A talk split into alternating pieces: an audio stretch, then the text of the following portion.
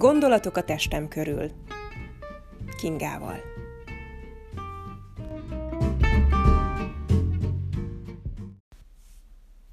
Sziasztok! Ez már a második epizód. Az elsőben beszéltünk Istenhitről. Most pedig egy olyan téma inspirált, amiben több nő is meg fog szólalni. Mindannyiunkat érint. A gyerekvállalás. Kell gyerek, nem kell gyerek, kinek kell, kinek nem. Miért mond le az anyaságról az a nő, aki úgy dönt, hogy gyerek nélkül éli le az életet? Tud-e kerek lenni a pite, teljes lenni a család, és az élet gyerek nélkül is? Azt gondolom, hogy ez az epizód viszont attól lenne teljes, hogyha mind a két oldalt megszólaltatnánk, és nem úgy tűnne, hogy a gyerekvállalás ellen akarok itt kampányolni. Úgyhogy rajtam kívül megszólal még két nő, aki nem szült, és nem is fog, megszólal egy szakértő, és két olyan barátnőm, akiknek összesen nyolc gyerekük van. Fejenként négy. Úgy gondoltam, hogy ha már gyerekes anyukákat is megszólaltatunk, akkor legalább toljuk el az extrém irányba, és ne az átlag egy-két gyereket vállalókkal beszélgessünk, hanem merüljünk egy jó mélyet. Remélem velem tartasz.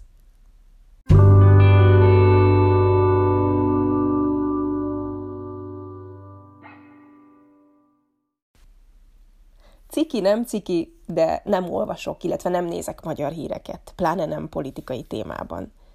Egyrészt nem is annyira releváns az én jelenlegi életem szempontjából, mivel külföldön élek, másrészt szeretem én megválasztani, hogy minek adok teret, energiát a mindennapjaimban.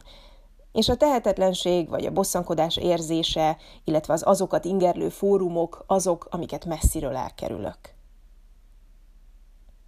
Egyszer-egyszer azért a Facebook hírfolyamom feldob egy-két Magyarországgal kapcsolatos hírt, és a minap a HVG egy cikkje jött szembe azzal a címmel, hogy Novák Katalin nem kap virágot nőnapra. Igazából én azt sem tudtam, hogy ki az a Novák Katalin, de picit megesett rajta a szívem, és mire rászóltam volna az ujjamra, az már rákattintott a cikkre, úgyhogy ott pedig már az alcímből megtudtam, hogy jelenleg ő otthon az államtitkár, és azt is, hogy neki a női mi volta, a nőiségének a megélése egyet jelent az anyasággal. Ez a kijelentés be kell valljam, hogy be tudja nálam nyomni azt a bizonyos gombot, így hát tovább olvastam, mert kíváncsivá tett, hogy mit fog ebből kihozni. A cikkben igazából arra ösztönzi a nőket, hogy ne féljenek a családalapítástól, a gyerekvállalástól, mert hogy az nem szükségszerűen jár együtt a karrier feláldozásával. Ezzel teljesen egyetértek. Habár azt sem ítélem el, aki mindent felrak a karrierkártyára, és nem fér bele neki a családalapítás. Azt is említi Katalin, hogy ők három gyereket is vállaltak, amit természetesen nem bántak meg, hiszen, idézem, értelmet adnak az életünknek. Na, itt nyomódott be nálam az a bizonyos gomb ismét, és azért fogalmazok így, mert ha azt mondom, hogy ez engem bosszant, vagy kinyílt a bicska a zsebemben, akkor túloznék. Régen valóban bosszantott, hogyha egy nő egy ilyen kijelentéssel azonnal lefejezte a gyermektelen nőket. Ma már inkább csak úgy gondolom, hogy ez egy társadalmilag káros kijelentés, és beszélnünk kell róla nem szeretem, amikor valakinek a nőiség megélése csak az anyaságot jelenti. Arra korlátozódik, illetve úgy beszél róla, hogy közben megbántja azokat, akiknek nincs gyereke. Rám már ez nem hat ilyen erősen, de ilyenkor szeretnék azért úgy hevesen jelentkezni, hogy ha-hó, csajok, én tudatosan nem vállaltam gyereket, de attól még nagyon is nőnek érzem magam, annak minden előnyével és hátrányával. És azt sem szeretem, amikor valaki azt mondja, hogy a gyereke adott értelmet az életének.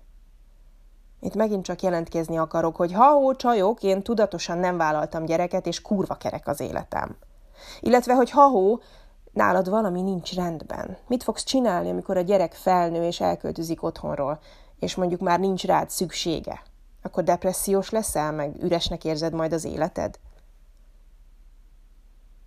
És mi a helyzet azokkal, akik baromira szeretnének gyereket. De valamiért nem lehet sajátjuk. Na őket bántják meg igazán. Az ilyen kijelentéseket tevő nőtársak. Értük is kiállok.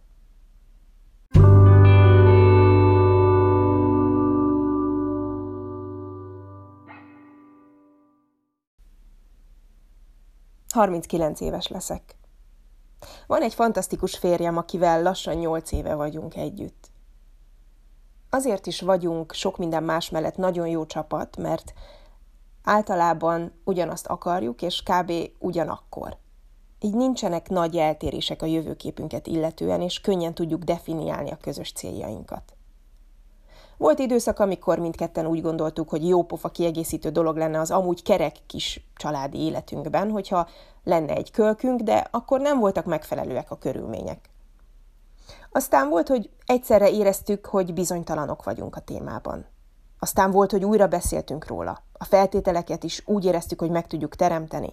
De aztán valahogy kicsit jobban belegondoltunk, piackutattunk, volt, hogy kaptunk pár órára próba gyereket is, meg hát láttunk barátokat anya-apa szerepben, és őszintén nem jött meg a kedvünk. Sőt, úgy éreztük, hogy a jelenlegi tökéletes kis családformációnkat, amiből ne hagyjuk ki Harrietet, a Sphinx cicát, nagyon megszorongatná az a más életforma, és az a teljesen más energia, amit egy kisgyerek hoz be a mindennapokba. A hiányát, azt a bizonyos űrt, aminek betöltése miatt tudjuk, hogy sok fiatal lány vagy nő szül, azt valahogy sosem éreztük. Azt gondoltuk, főleg én, hogy a három éves kor előtti időszak az totál kikészülés. A nem vagy minimális alvás, a folyamatos figyelem igénye, az én idéglenes, de teljes feladása, a rengeteg extra feladat, az amúgy nyugodt itthoni légkör lecserélése egy folyamatos zsizsegésre engem speciál megijeszt. Olyan dolgokról kellene lemondanom egy gyerekhez, amiket a legjobban értékelek a mindennapjaimban. Szeretem, hogy lassan indulnak a napjaim. Szeretem a csendet, a nyugit itthon. Szeretem, hogy van időm magammal foglalkozni. És nem csak, hogy szeretek sokat aludni, de szükségem is van a minimum 8 órás alvásra, ahhoz, hogy jól tudjak szellemileg és érzelmileg is funkcionálni. Tudom, hogy mit vált ki belőlem, ha ez akár csak egyszer is kimarad. És itt mindig felteszem magamnak a kérdést, hogy jó az, hogyha én leszek az elmebeteg anyja egy érzelmileg nagyon sérült gyereknek, akivel sokat ordibáltak kiskorába? Azt hiszem, tudjuk a választ. Ha például választanom kellene kutya és macska között, akkor a macskát választanám, illetve hát választottam, mert az passzol jobban az én energiámhoz. A kutya, még akkor is, ha néha nagyon szeretnék kutyát, úgy érzem, nekem túl sok lenne. Tehát valahol azt érzem, hogy a kutya nagyon hasonló energia a gyerekhez képest. Néha Harriet a macskám is kihívás, mert a szfinxek folyton a gazdájukon lógnak, nyávogás helyett rengeteget beszélnek, bugyborékolnak, purrognak. Um, csak vele tudok elmenni fogat mosni, pisilni, enni, aludni, folyamatosan ott van a nyomomban. Mindig, mindenhol ott van. Folyton figyelmet igényel, játszani kell vele. Akkor kakil, hogyha otthon vagyunk, és a kaki után pedig mindig kitöröljük a popóját. Tehát nem állnak távol tőlünk a törődésnek ezen mozzanatai de azért egy macska a napi 24 órából 15-öt biztos alszik. Igaz, hogy a két-három éves gyerek szintjén túl sosem fog fejlődni, így ez kicsit olyan, mintha lenne egy kisgyerekünk, aki úgy kb. 15 évig nem lesz önálló, és állandó törődést igényel, de ezzel valahogy megbirkózunk, és mint ahogy a gyerekeknél is mondják, cserébe rengeteg szeretetet, vicces pillanatot kapunk tényleg színesebbek tőle a mindennapok. Valahogy így lehet ez a gyereknél is. Biztos vagyok benne. De azért mégis más. A férjemmel arra is gondoltunk, hogy ettől a legkeményebb első három évtől megkíméljük magunkat, és nem túlnépesítve a földet inkább örökbe fogadunk. Akkor is, hogyha természetesen is lehetne saját gyerekünk, de valahogy úgy gondoltuk, hogy nekünk ez az irány is passzol. És hát utána jártunk az adoptálásnak, komolyan gondoltuk. Aztán egyik nap váratlanul a nyakunkba szakadt egy barát, körülbelül négy éves kislánya. Hát azt tudnatok kell, hogy az én férjem a világ legtürelmesebb embere. De fél óra múlva már ő mondta, hogy fel kell hívjuk az apját, hogy jöjjön érte. Olyan sokként ért minket az a nem szűnő energia, a folyamatos kérdések, az állandó rohangálás utána, hogy a macska seggében ne dugja fel a ceruzát, hogy ne tegyen kárt benne vagy önmagában, hogy egy óra után már teljesen kétségbe voltunk esve. Iszonyatosan lefáradtunk szellemileg. És utána napokig pihentük az élményt. Miután elment a kislány, emlékszem, hogy egymásra néztünk, és egy fejbólintásból tudtuk, hogy nekünk soha nem lesz gyerekünk. Oké, okay, lehet, hogy nem életszerű a példa, lehet, hogy nem életszerű így kipróbálni a gyerekvállalást, és azt is mondják, tudom, hogy a sajátod az más, azt jobban szereted, de én azt gondolom, hogy max annyiban más, hogy talán egy picit több dolgot nézel el neki, vagy emiatt, hogy jobban szereted, egy kicsit talán bizonyos pillanatokban könnyebben túljutsz dolgokon. De könyörgöm, minden gyerek, kb. ez az energia szint, hogyha egészséges. És ez nem napi három órában, hanem 24-ben. Heti hét nap. Itt, ezen a ponton mindenkinek az a jobb, ha beismerem, az én idegrendszerem nem elég fejlett vagy erős ehhez. Képes lennék rá, tudom, meg tudnám csinálni, fel tudnám nevelni akár egyedül is. De ezek után, ha van választásom, akkor inkább a nem gombot nyomom meg. Túlnépesedés van. Nem szorulunk rá, hogy mindenki szüljön. Sőt, nagyobb segítség lenne, érzelmi és intelligencia tesztekkel előszűrni a gyerekvállalókat, és nem engedni mindenkinek, hogy teherbe essen. Sokkal tudatosabb szülőkre van szükség, úgy gondolom. A gyereket vállaló vagy vállalt hallgatóimnak annyit hozzáfűznék, hogy nem irigyellek benneteket, de minden tiszteletem, és nem le, hanem igenis felnézek rátok. Olyan dolgot csináltok, amire lehet, hogy én is képes lennék, de nem vállalkozom. Lehet azt gondolod, hogy önzőségből vagy félelemből nem tiltakozom. Valóban önző vagyok, és az önzőségem miatt tud az életem most olyan lenni, amilyen. És én nagyon szeretem így. Valóban magamat rakom az első helyre, hiszen ha én nem, más nem fog kiállni az én érdekeimért. És valóban van bennem egy kisebb para is – de csak az nem fél a gyerekvállalástól, aki nem lát reálisan, vagy nem méri fel jól a helyzetet. A félelemmel szerintem nincs gond, amennyiben csak jelen van, de nem veszi át az irányítást. Én azt gondolom, hogy a legfontosabb, hogy az ember jól felméri az igényeit, a képességeit, és úgy döntsön gyerekvállalás mellett vagy ellen. És ne azért, mert egy családi, társadalmi nyomásnak akar megfelelni, vagy az aktuális pasit akarja magához láncolni. Én erről az oldalról csak annyit tudok hozzáfűzni, hogy nagyon is kerek tud lenni az élet. Gyerek nélkül is.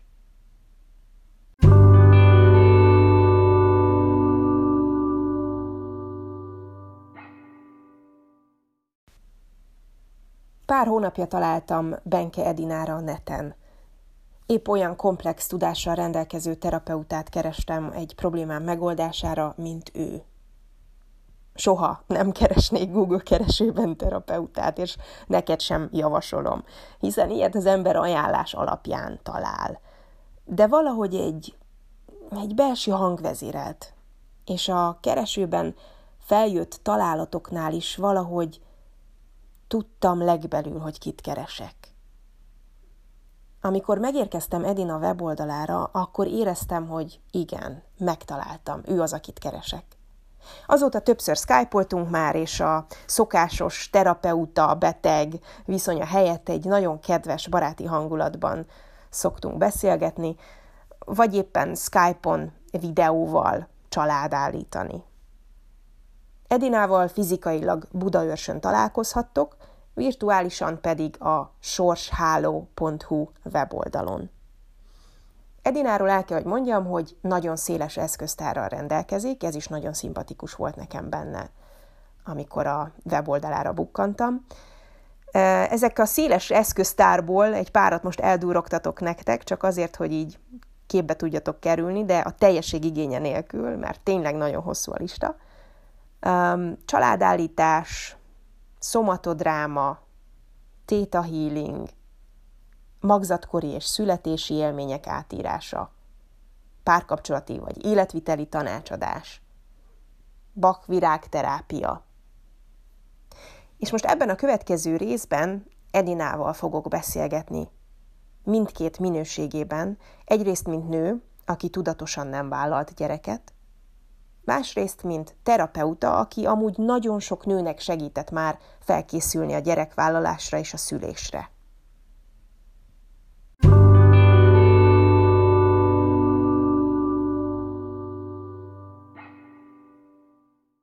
Szia Edina! Szia!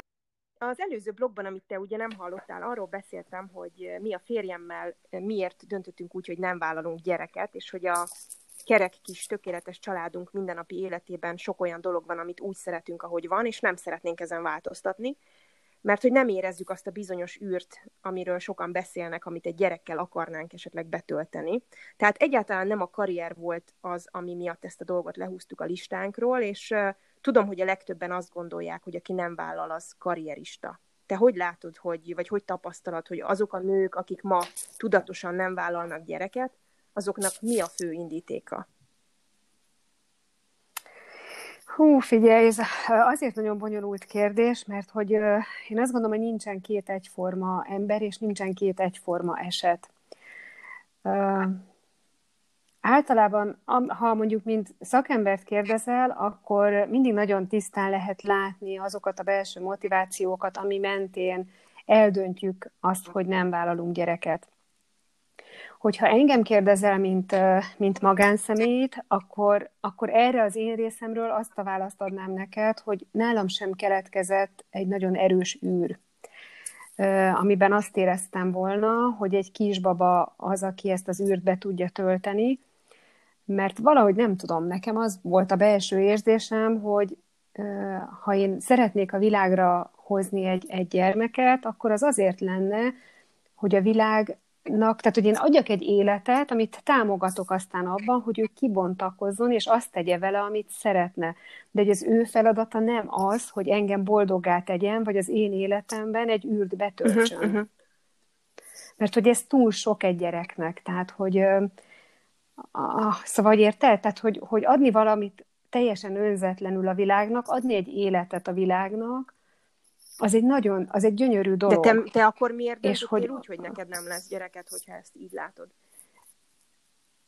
Azért, mert hogy én nem éreztem azt, hogy, hogy én készen állok arra, hogy, hogy támogassak valakit ezen az úton. Tehát, hogy, hogy adjak, tudjak adni magamból önzetlenül annyit, amennyi egy gyermeknek a, a, az egészséges kibontakozásához és felnövéséhez kell. És ez nyilván ebben benne vannak már az én sérüléseim, amiket gyerekkoromban szereztem, az életem során a történések, Szóval, hogy egy kicsit másképpen látom ezt a, ezt a gyerekvállalási ezt hány évesen dolgot, mint a legtöbben. Hány évesen jött neked ez a gondolat, hogy erre te ilyen szempontból nem állsz készen?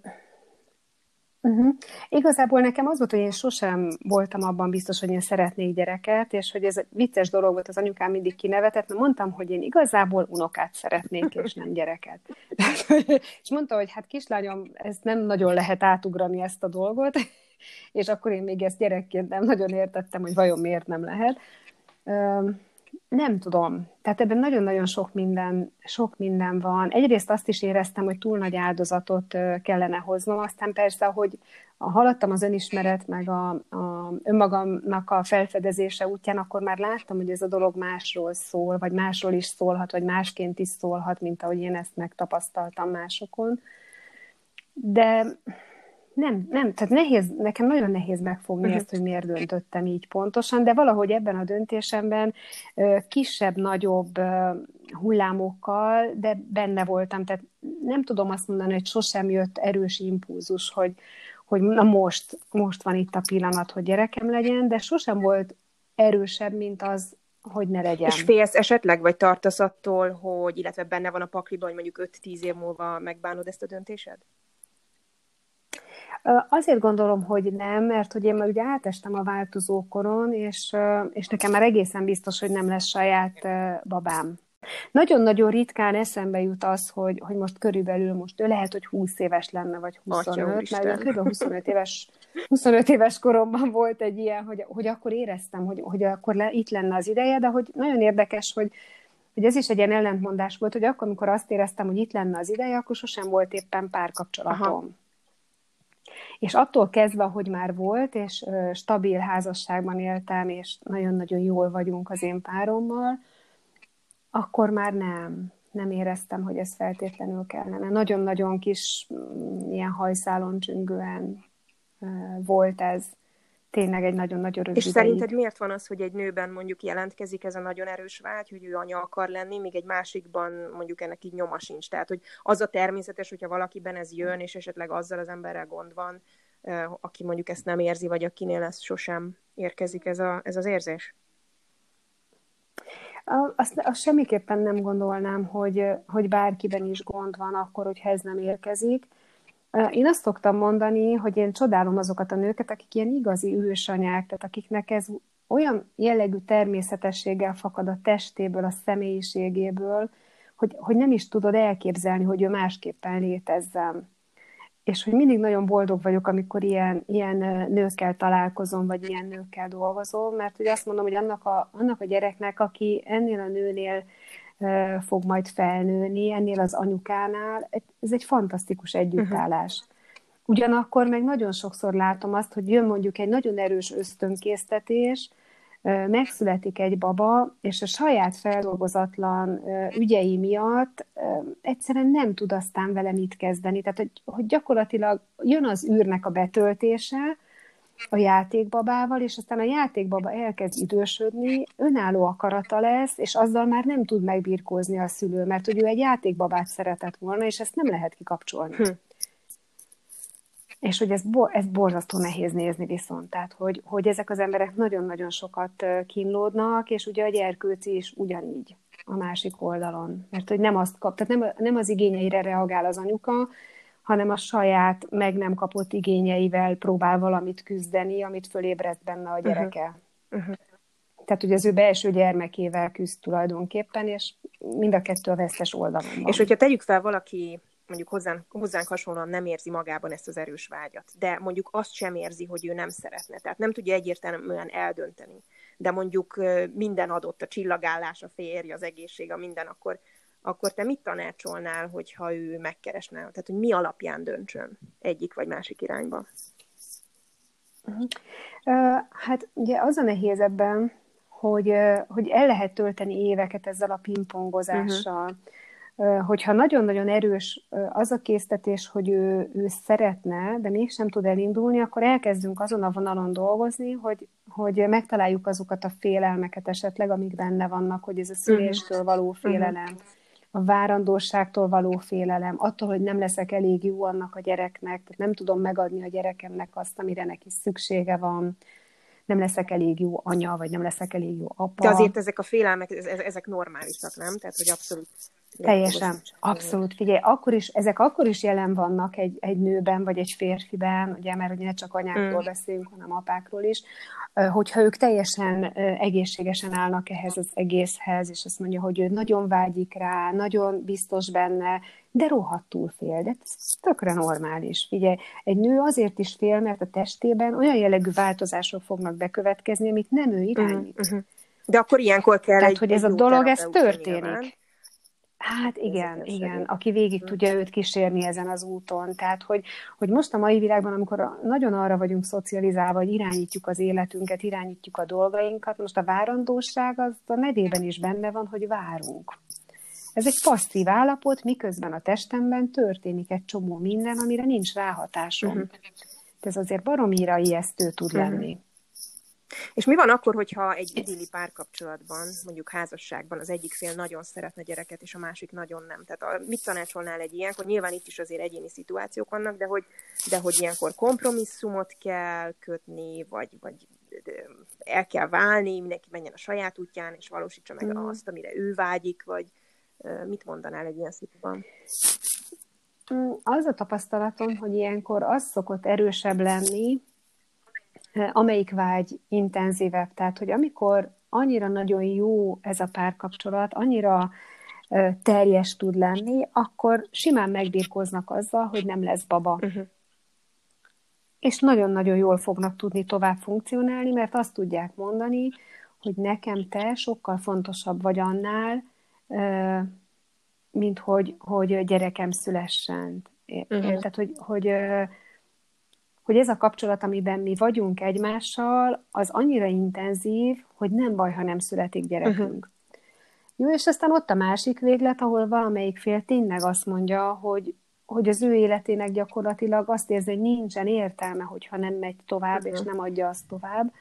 Ezek általában vállással fejeződnek uh-huh. be. Vagy az is előfordul, hogyha mondjuk, hogyha a nő részéről nehéz dolog az, hogy, hogy vállalkozzon egy babára, mégiscsak rászánja magát, mert hogy annyira szereti a férjét, hogy azt mondja, hogy oké, okay, rendben, akkor én most hátra húzódok, és meglátjuk, hogy mi történik, és megpróbálkozom vele, és egyébként csodálatos anyukák szoktak lenni.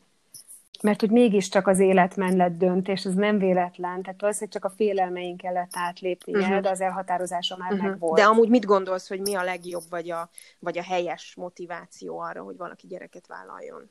Mert hát tehát ne ez legyen a fő motiváció, uh-huh. mert hogy mondjuk a párom szeretne, és akkor jó, akkor ebbe belehajtom magam, hanem hogyha mondjuk csak azt nézzük, hogy a nő, és hogy tisztán belőle mi az a motiváció, ami kell, hogy érkezzen, hogy tudja, hogy ez az ő útja. Uh-huh. Hát figyelj, ez, ez borzasztó nehéz. Vagy itt van az az érzés, amiről beszéltünk, hogy egyszer csak jön ez a vágy, Igen. és előtt, és semmi uh-huh. más nem akarok a, jobban, mint hogy, mint hogy anya legyek. Igen, igen. Vagy hogyha nem is jön ennyire intenzíven, de azt tudom mondani, hogy hát tulajdonképpen én azt gondolom, hogy szeretnék gyereket, tulajdonképpen most ott tartok az életemben, hogy vagy most lépem meg, vagy később erre már nem lesz lehetőségem, és akkor puty belevág. Uh-huh, uh-huh. Amúgy szerinted miről marad le az a nő, aki mondjuk hozzánk hasonlóan nem vállal gyereket, tehát hogy szükségszerűen lemarad valamiről, tehát hogy ezt így tudnád definiálni, vagy, vagy mert én is azt gondolom, meg te is nyilván, hogy teljesen kerek, tökéletes életet lehet élni így is, de hogy azért ennek ellenére szerinted van-e valami, amiről mi lemaradunk? Én azt gondolom, hogy azért mindenképpen, tehát hogy, hogy ez a kecske és a káposzta esete, tehát hogy, hogy az, a, az a valaki, aki gyereket vállal, ő is lemarad nagyon sok mindenről, az, aki nem vállal, az is lemarad nagyon sok mindenről.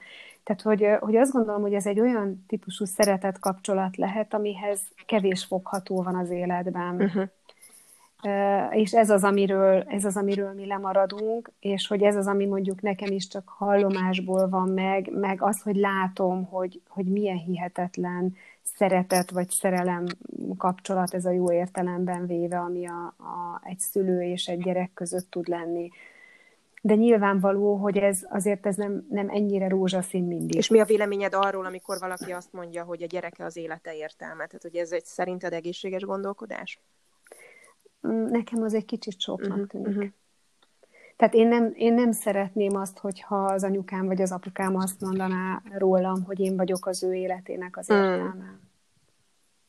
Nem, nekem az túl, túl nagy tehernek tűnik, hogy én ezt beteljesítsem, hogy, hogy, hogy olyan életet éljek, hogy olyan megfelelő legyek, hogy, hogy ezt, tehát hogy tudjak neki valami olyat adni, amiért értelme volt, és érdemes vagyok arra, hogy én a világra jöhessek, és ez, ez nem mindig olyan egyszerű. Arról nem beszélve, hogy nagyon gyakran látom azt, hogy, hogy van egy ilyen hihetetlen szimbiotikus kapcsolat az anya vagy az apa és a gyerekek között, és hogy gyakorlatilag úgy érzékeli a szülő a gyerekét, mint hogyha a kinyújtott karja uh-huh. lenne. De hogy a gyereknek ebben nincsen szabadsága, tehát hogy, hogy ez teher. Szerintem az az a nagyon szerencsés eset, amikor egy szülő tud keretet adni a, a gyerekének, uh-huh. és a gyerek ebben a keretben, ebben ö, biztonságosan mozog. Létrehozza, igen, betelje, tehát hogy kitölti ezt a keretet, és jól érzi magát benne. De hogy önálló. És biztonságot ad neki, de hogy őben ő önálló. Uh-huh. Tehát, hogy az kell, hogy legyen a célja a gyereknevelésnek, hogy azért egy önálló emberkét engedjünk az útjára, tehát hogy, hogy ne ne, nem magunkhoz akarjuk láncolni, illetve mi se azt akarjuk, hogy az életünk értelme legyen, és az életünket ő töltse ki, és ő legyen csak egyedül a fókusz, mert hogyha majd elmegy, akkor, akkor ugye nem fogjuk találni magunkat, és egy baromi nagy űr lesz ott. Igen, és hogyha belegondolunk, akkor ezért az nagyon fontos. Ezt szoktam mondani az anyukáknak, meg az apukáknak, hogy figyelj, a gyerek nagyon hamar elkezd eltávolodni. 5-6 éves korában már nagyon egészséges az, hogy ő a kortársaival szeret lenni. Uh-huh. És, és már bandázik, meg szülinapi partizik, meg nem tudom én micsoda. Tehát, hogy, hogy, hogy ezért nehéz az, hogyha én úgy hozok a világra egy gyerkőcöt, hogy ez majd betölti az én életemben az űrt. Hát uh-huh nem, tehát, hogy ő nagyon hamar elkezd. Szoktam mondani, hogy körülbelül úgy érdemes elképzelni a babákat, hogy olyan ütemben távolodnak el lelkileg is tőlünk, ahogyan fizikailag. Tehát a csecsemő még nem tud megmozdulni, itt van rajtam, hozzám van láncolva, de aztán elkezd mászni, aztán elkezd felállni és kapaszkodva járni, aztán elkezd járni. Aztán már elkezd úgy jól működni, hogy én nem vagyok uh-huh. ott. Órákig nem vagyok ott és ez, ez teljesen egészséges, és ahogy már iskolába jár egyedül esetleg, hogyha mondjuk nem kell messzire mennie, elkezd távolodni. Ahogyan a fizikai világban távolodik, úgy távolodik tőlem lelkileg, és úgy van ő jól azokkal a valakikkel, akik az ő korosztályához tartoznak. Hú, ezt azért abszolút átérzem, én... hogy ez nehéz. Tehát, hogy azért ott vagy az első nagyon három, nehéz. Négy, akárhány évben folyamatosan rajtad csünk, tehát szinte, szinte a levegőjét is majdnem, hogy belőled vagy rajtad keresztül veszi, és akkor egyszer csak így ezt így folyamatosan megélni, ezt az elszakadást, biztos, hogy ez nagyon kemény. Ez, ez, nagyon, ez nagyon nehéz, és hogy én azt gondolom, hogy akkor jó, vagy akkor, akkor egészséges és olyan nagyon szeretetteli és támogató ez a kapcsolat, hogyha én ebben a partnere mhm. vagyok. Uh-huh.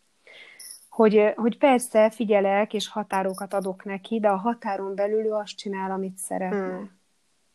És nem én mondom meg, hogy az mi. És Edina, mit tanácsolsz egy olyan nőnek, aki mondjuk nem szeretne gyereket, viszont viszont tegyük fel egy nagyon konzervatív családi háttér, nagy nyomást gyakorol rá, vagy erős elvárásokat támasztanak, és esetleg ne Isten azt súlykolják, hogy már pedig az élet akkor kerek, akkor nyer értelmet, illetve a nőiség megélése csak akkor lehetséges, hogyha beállsz a sorba és szülsz. Tehát, hogy hogyan lehet ezzel ellen védekezni, vagy felvenni ezzel a harcot, illetve megakadályozni azt, hogy ebben az adott nő sérüljön. Ugye itt már eleve, hogyha, hogyha egy ilyen erős, erős nyomásról beszélünk a családban, akkor, akkor ott is nagyon izgalmas az, hogy hogyan van ez a valaki az ő anyukájával és apukájával. Mm. Jó, mert hogyha ennyire erős a presszió, akkor lehet, hogy, hogy ebben a nőben nem az dolgozik, hogy ő nem szeretne gyereket, hanem van egy erős lázadása azzal kapcsolatban, amit elvárnak tőle. Uh-huh. Jó, és az is előfordulhat, hogy nagyon erősen próbálták mindig megmondani, vagy erősen sugalni akarták a szülők, hogy mi a helyes az ő számára, és ebben ez benne egy hihetetlen ellenállást keltett. Jó, tehát, hogy itt először valószínűleg inkább azzal kezdenék el foglalkozni, hogy hogyan tud ő annyira eltávolodni a szüleitől, hogy bele tudjon állni abba, ami, ami valójában ő egyrészt fel tudja ismerni azt, ami valójában benne van, hogy tényleg akar vagy nem akar, és hogyha nem akar, akkor abba azt ki lehessen mondani. Uh-huh.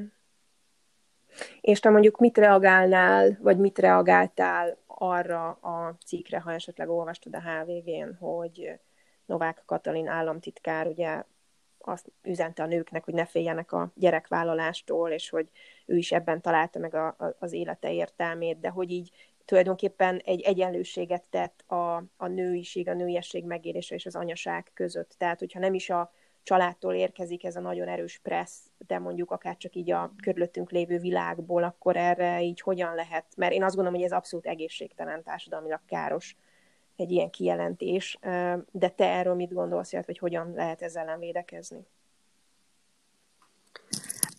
Azt gondolom, hogy ha én oké okay vagyok azzal, ami, ami bennem történik, és ami velem történik, akkor a külvilág impulzusai nehezen fognak tudni engem kimozdítani. Jogos. abból az állapotból, amiben mm. vagyok. És tiszteletben tudom tartani, hogy az ő nőiességének a kiteljesedése az volt, hogy ő babát vállalt. Uh-huh. És cserébe azt szeretném kapni, hogy tudja ő is tiszteletben tartani azt, hogy az én nőiességemnek a kiteljesedése nem ezen a vonalon történt meg. Én ezt másképpen élem meg. Egyetértek. És hogy nincs szükségem arra, hogy magyarázkodnom kelljen, vagy meg kelljen védenem magam ebben a, a, ez, ebben a dologban, mert hogy ez, ez az én döntésem, az pedig az ő döntése, és mind a kettő rendben van. Csodálatos záró gondolat. Köszönöm a, a beszélgetést. Edinával tehát a sorsháló.hu weboldalon tudjátok felvenni a kapcsolatot, időpontot foglalni is ott tudtok, vagy olvasni az írásait. És a következő pár napban beszélek egy barátnőmmel, aki ugyancsak nem vállalt gyereket, megnézzük, hogy ő miért döntött így, és mennyire érzi kereknek az életet, valamint fel fogom hívni két olyan barátnőmet is, akik nem egy, nem kettő, nem három, hanem négy gyereket vállaltak, összesen nyolcat, és megnézzük, hogy milyen az élet oda át.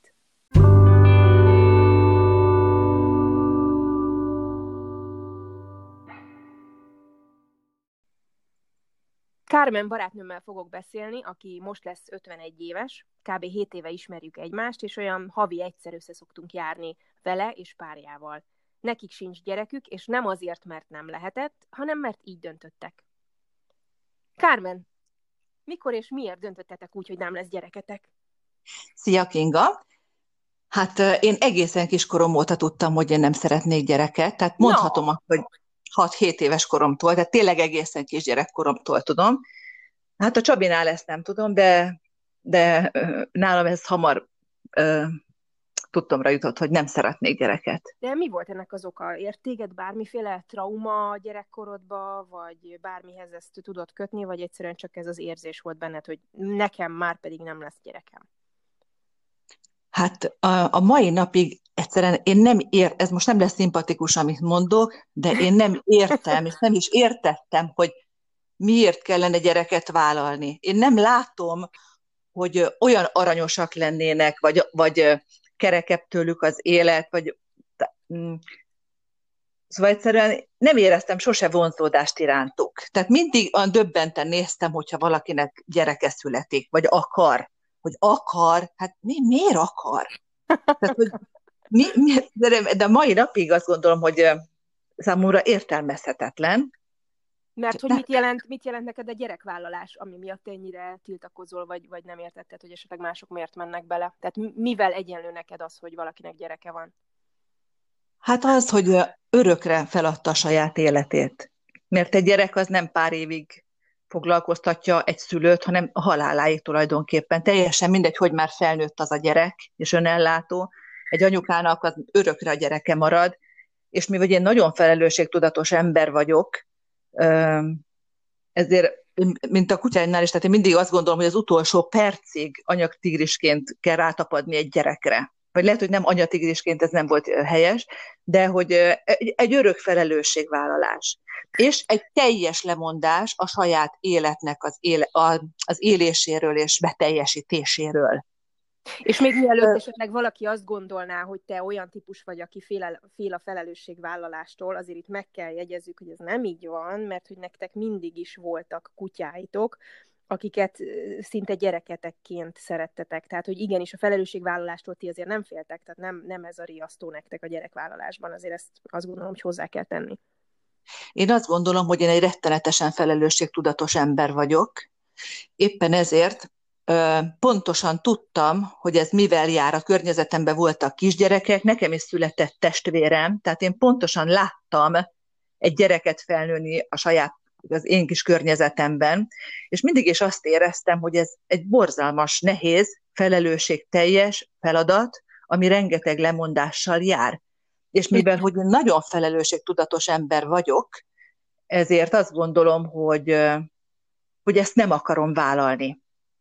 És én azt látom, ez a tapasztalatom az 51 év alatt mondhatom, hogy az emberek, a szülők 95%-ának fogalma sincs arról, hogy mit vállal. Mit jelent egy gyerekvállalás?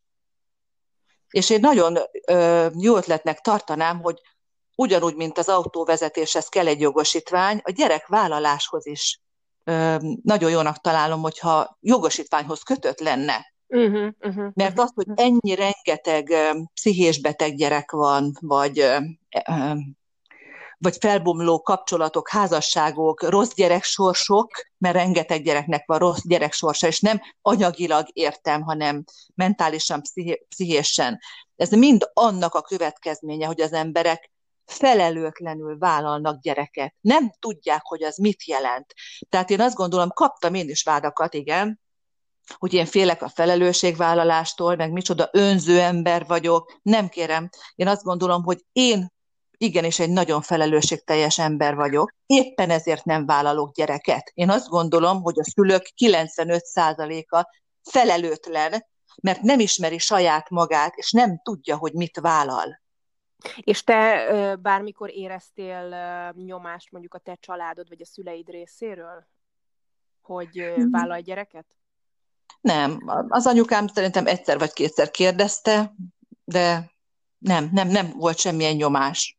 Uh-huh. Nem én vagyok az első a családunkban, aki nem vállalt tudatosan gyereket. Uh-huh, uh-huh. Hát akkor úgy már könnyebb nyilván. Igen, igen, igen. És Kármen, és a, a Csabival a kapcsolatotok elején ti megbeszéltétek, tehát rögtön erre rátértetek, hogy már pedig itt nem lesz, illetve hogy szerinted fontos az ismerkedési fázisban még a kapcsolat elején tisztázni ezt a másikkal?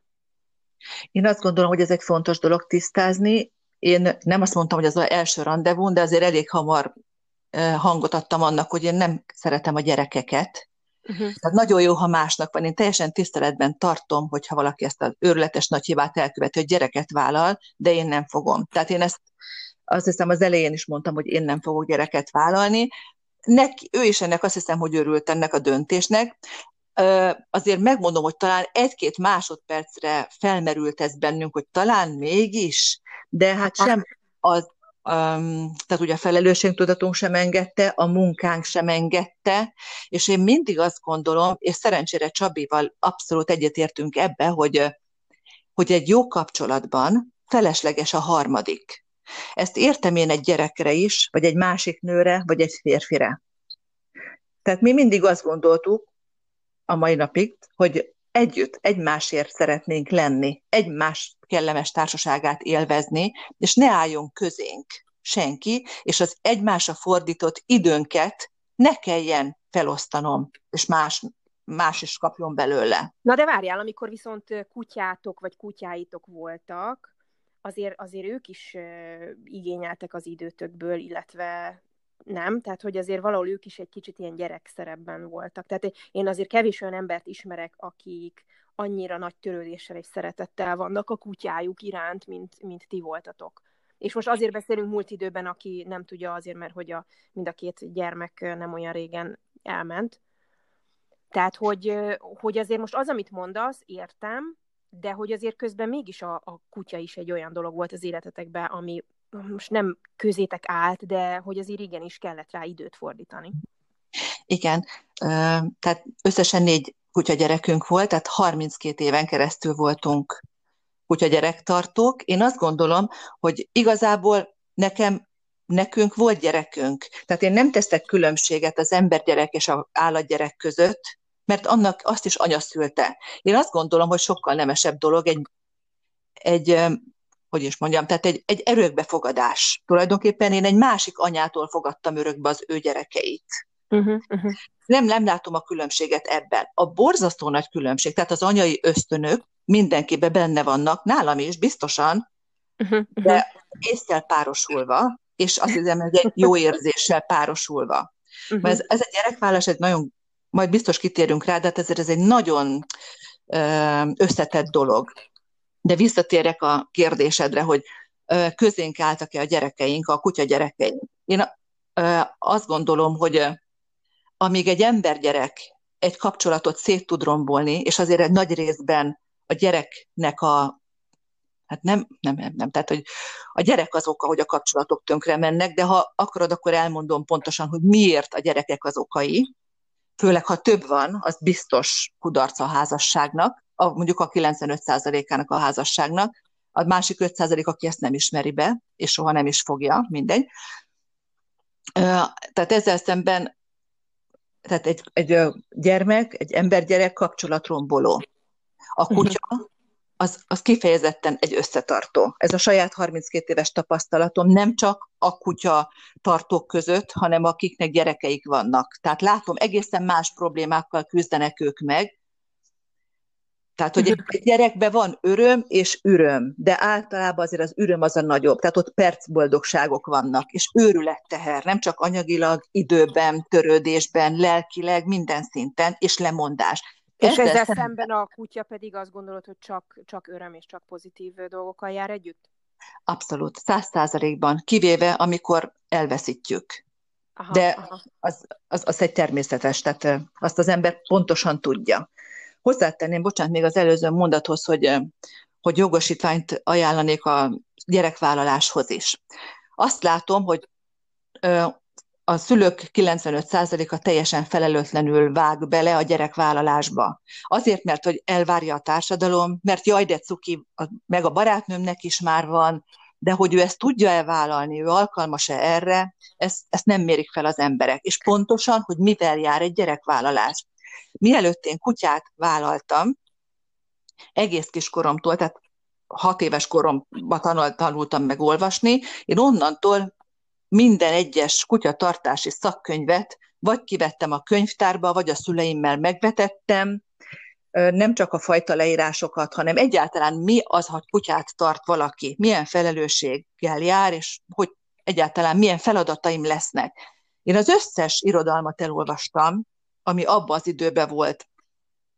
És amikor az első kutyánk meglett, 15 éves voltam, de én addigra százszázalékos felkészüléssel vártam azt, az, azt a kis kutyát. Hát valahogy ezt mondják, tudod, az örökbefogadásnál is, hogy azért az is egy nagyon hosszú, sokszor négy-öt éves procedúra, és komoly felkészülések, kurzusok, egy csomó dolognak meg kell felelni, pszichológiai tesztek, stb. stb. És ott is azért szokták mondani, akik ezen a folyamaton átmennek, hogy oké, oké, értik, de azért a, tehát, hogy, hogy ezt jogos lenne akár mondjuk mindenkitől elvárni, tehát kicsit hasonló nézőpont, mint amit te is mondtál, hogy, mert hát ugye teherbe meg majdnem, hogy bárki eshet, illetve ö, gyereket szülni azt igazából a fizikai részét leszámítva nem olyan nehéz.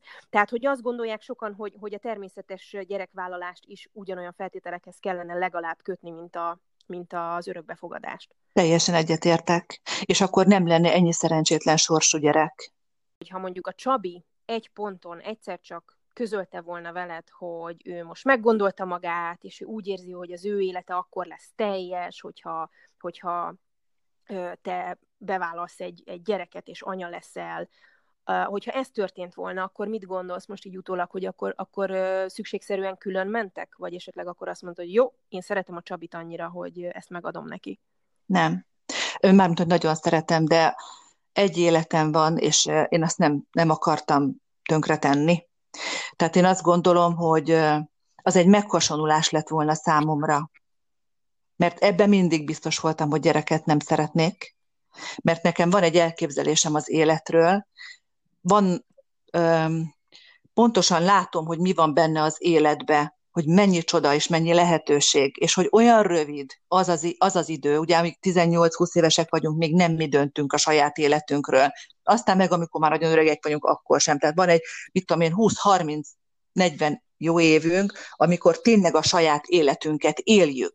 Na most pont ebbe az időszakba szoktak az emberek gyereket vállalni, mondjuk olyan 20-tól 60 éves uh-huh. korukig, mondjuk, uh-huh. pontosan amikor élhetne, és a minden lehetőség adott, azt teszik teljesen tönkre. Tehát én, ha azt a Csabi kérte volna tőlem, akkor biztos, hogy szakítunk, mert nekem az élet, maga az élet, hogy abból kivegyem, amiért én ide szület, vagy meg, megszülettem, azt nem fogom eladni, és nem fogom feláldozni a lehetőségeimet, az életemet, az éveimet azért, mert valakinek ez a hóbortja, hogy ő gyereket akar, és hogy a társadalomnak meg, megfelelni, és hogy jaj, de cuki. Hát nagyon cuki, én ezt nem mondtam, csak azért ennél sokkal több dologgal jár egy gyerekvállalás, mint hogy nagyon cuki. És Kármen, azért tudod, hogy, hogy sok nő azt mondja, hogy a gyereke az élete értelme, hogy te erről mit gondolsz, illetve hogy neked mi, a, mi az életed értelme így, hogy nincs gyereked?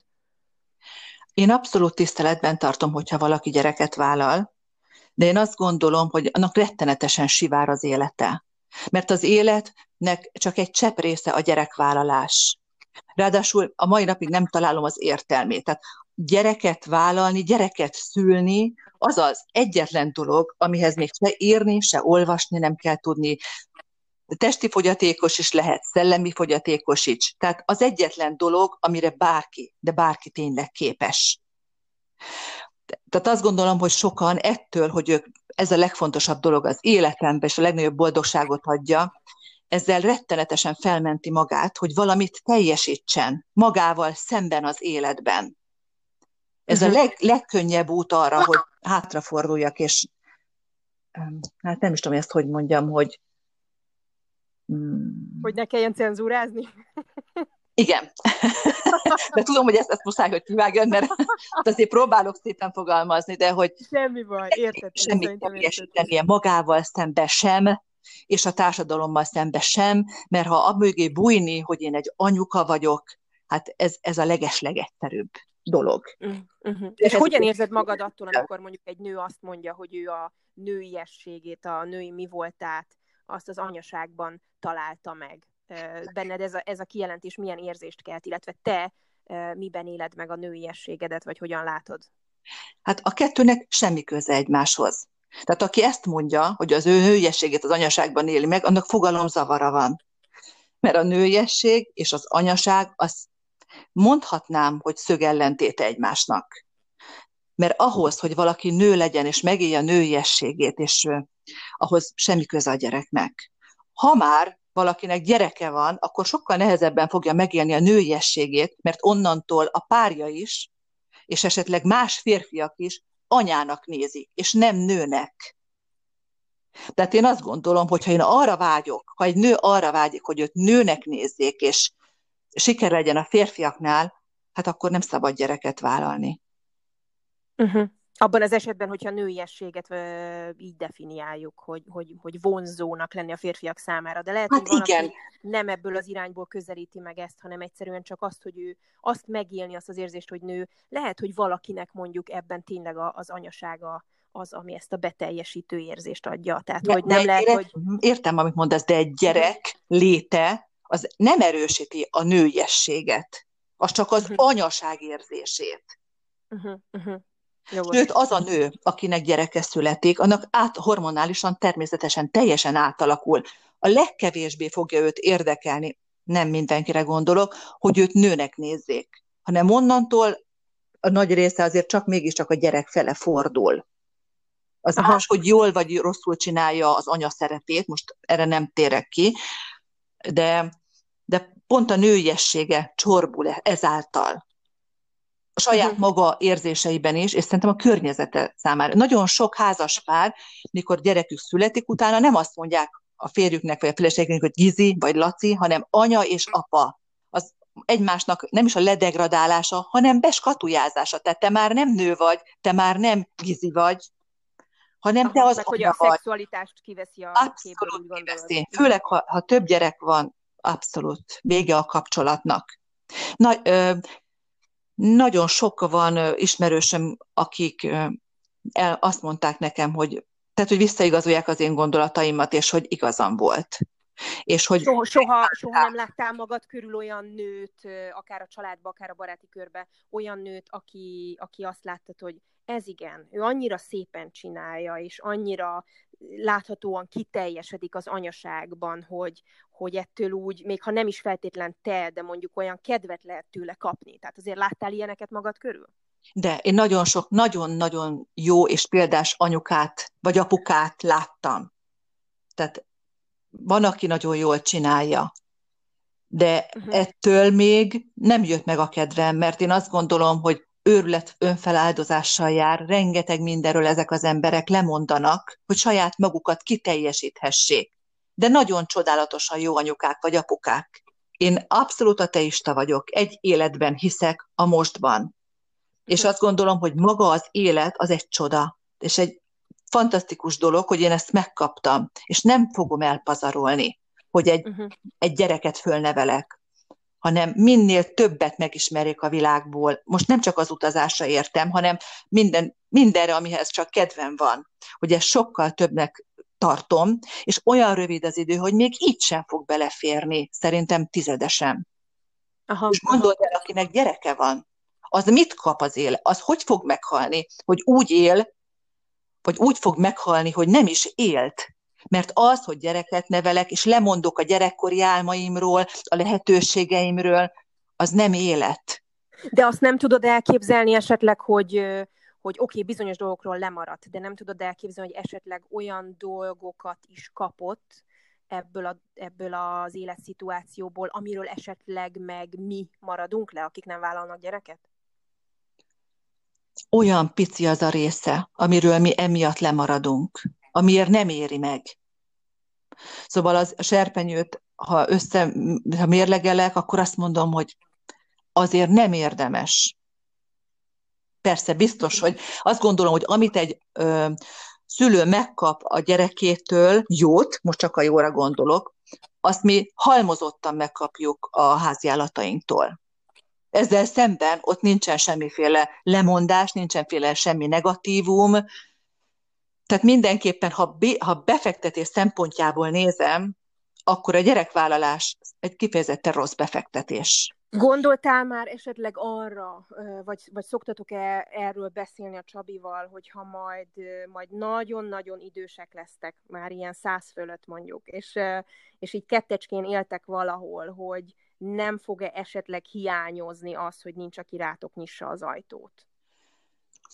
Ha racionálisan nézem, amikor az ember már ennyire idős, mondjuk 5-10 év, nem fogja rám nyitni az ajtót senki, de akinek öt gyereke van, annak is pici az esélye, hogy valaki rá fogja nyitni az ajtót.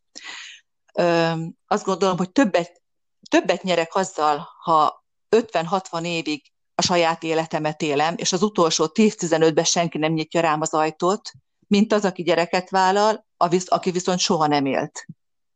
És ugyanúgy nem fogják majd az utolsó 5-10-15 évében rányítni az ajtót a gyerekek. Azért Mert ez nem törvényszerű. Nem törvényszerű, én csak a 95%-ról beszélek.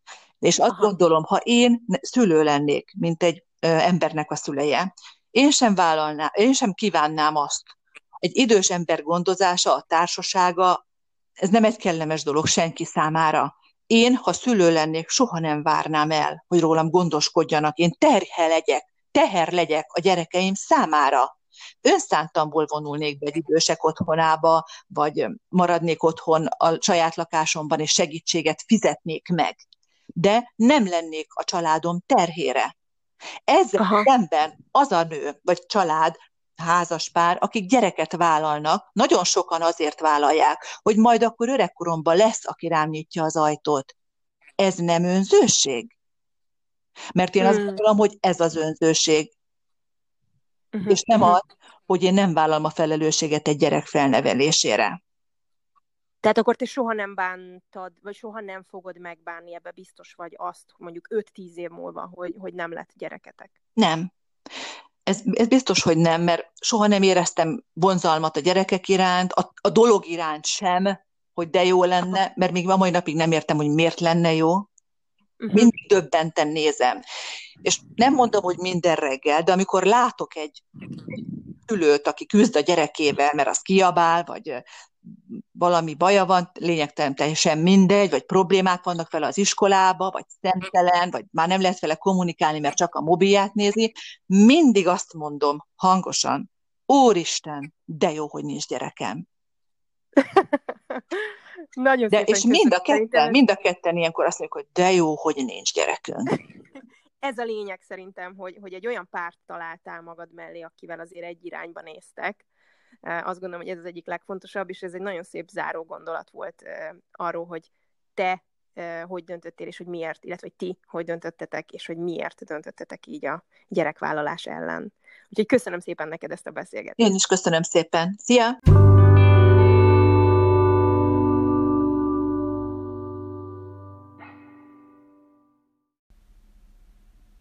Az utóbbi időben valahogy elkezdtem rászokni arra, hogy elég későn kelek. Ez azt jelentette, hogy nem nyolckor, nem kilenckor, de inkább már olyan kilenc és tíz között. Sőt, volt olyan, hogy fél tizenegykor, és igazából megtehetem, mert tizenegyre járok dolgozni.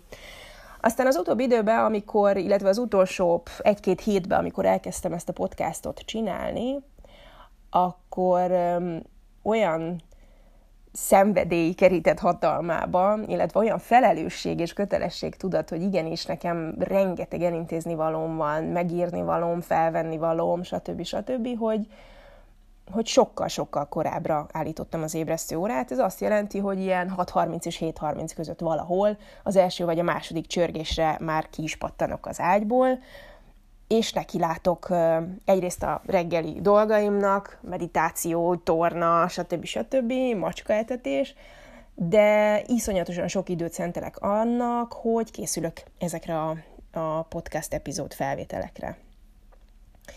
És hát egy kicsit az jutott eszembe, hogy azért ez olyan, mint hogyha gyerekem lenne. Úgyhogy ma Katával, Kata barátnőmmel fogunk beszélgetni, akinek valóban van gyereke, és emlékszem, hogy olyan 29 éves volt, tehát körülbelül 10 évvel ezelőtt, amikor én találkoztam vele, azóta ismerem, és együtt dolgoztunk egy projekten, és akkor lett ő terhes az első gyerekével, és érdekes volt látni Katát. Én már valahol akkor tudtam, hogy én nem szeretnék gyereket, de be kell, hogy valljam, hogy Katát látni terhesen, illetve ahogyan ő várt a várandósága alatt, az iszonyatosan inspiráló volt. Hogyha jól emlékszem, akkor veszélyeztetett terhes volt, biztosan nagyon sok fájdalma és nehézsége volt a, a várandóság alatt, de mégis olyan fantasztikusan várakozott, hogy tényleg majdnem, hogy az ember kedvet kapott, aki nézte. És aztán emlékszem, hogy megszületett Frida, és onnantól úgy tűnt, hogy Katánál nincs megállás, utána még három fiúnak adott életet, Frida most 9 éves, Kán 7, Dante 5 és fél, Belian pedig 3. Úgyhogy ma Katával fogunk beszélgetni.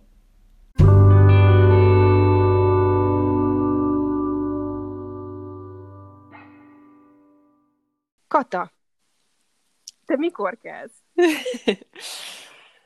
Hétköznap vagy hétvégén? Ez egy mind, ilyen... mind a kettő. Mind a kettő. Um, hát ugye így, amikor isk- ovi, bölcsi ovi iskolai időszak van, akkor 6 óra, 10-kor ébreszt az intelligens ébresztő. Amiből az van, hogy általában 6 óra 30-kor sikerül felkelnem, és akkor van egy ilyen turbo reggeli program, ami azt jelenti, ugye, hogy 7.30-kor el kell indulnunk, tehát egy órán van a négy gyereket összekészíteni. Ez már elég, tehát most már tudom kezelni ezt a helyzetet. Régebben nagyon stresszelt ez, hogy állandóan ugye sietni kell, mert az iskolába muszáj odaérni, tehát ott ugye szigorúan veszik ezt a pontos érkezést, az ovinál nem. De borzasztó rossz volt azt látni, hogy az iskolás lányom már készen van, és az ovisokra várunk. És ugye ezért így próbálkoztam, hogy akkor hamarabb kelteni őket, ami egyszerűen úgy el vannak fáradva, hogy ez lehetetlenség. Úgyhogy inkább én találtam ki egy ilyen rugalmas kis rendszert arra, hogy akkor egy óra alatt hogy lehet kakaóval, öltözéssel, mosakodással, beágyazással, kabát, overall és mindennel együtt elkészül. De elvileg neked ugye van egy ilyen anyukás blogod, gondolom azért ilyen nagyon hasznos tippeket ott így megosztasz az emberekkel. Nyugodtan mondd be a weboldal címét. Igen, igen, ez a Mamba két M-mel a közepén, mamba.hu igen, igazából amióta négyen vannak, erről a részéről nem is írtam, de jó is, hogy mondod, mert ezt nagyon sokan kérdezik tőlem, hogy ezt hogy csinálom. Tehát, hogy egy gyerekkel nem készülnek el egy óra alatt, akkor én hogy csinálom a négyel.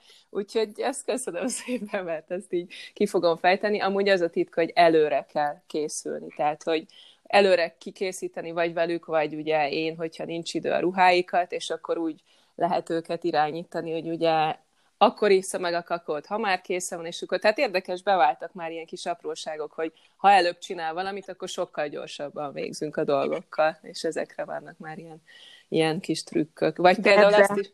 Igen? Ebbe az egy órába, ebbe azért te nem férsz már bele, ugye? De pont ezt akartam mondani, hogy azt is észrevettem, hogyha úgy kezdődik az egy óra, hogy én elintézzem, tehát a mosokodás, öltözés, egyéb elkészülés, minimális, még bármi ilyen beleférjen, ha én készen vagyok, és utána kezdem őket, akkor, akkor működik az egy óra. Ha fordítva, akkor nem.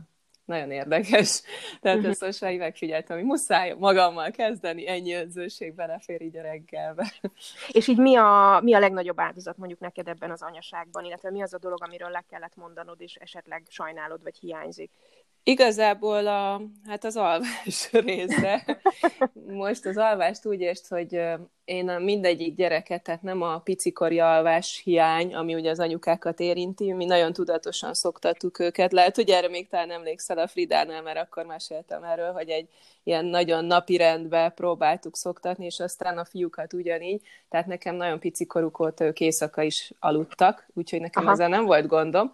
Viszont reggel ez a ez a 6 óra, 6 óra 30, ez így néha jó lenne, ha 9-10 lenne, és azért kérdeztem az elején, hogy hétköznap vagy hétvégén, mert hétvégén viszont meg tudom tenni, hogy picit tovább alszom, amikor ugye nem kell sietnünk sehova, mert akkor ők most már megtanítottam nekik, hogy maguknak például meg tudják csinálni a kakaót, ők ezt nagyon élvezik, az azt igen. megisszák, a műzlit ugye meg tudják csinálni, a Frida már segít abban, hogyha esetleg kenyeret kenni, tehát hogy ilyen alapokat megtudnak, és akkor én nyilván ilyen félálomba vagyok addig, tehát azért úgy valamennyit hallok, de ilyen nagyon kellemes, ellazult állapotban, ilyen meditatív állapotban vagyok így, és akkor utána meg ugye akkor, akkor hát van, amikor igen, ilyen kilencig tudom ezt így a hétvégén csinálni.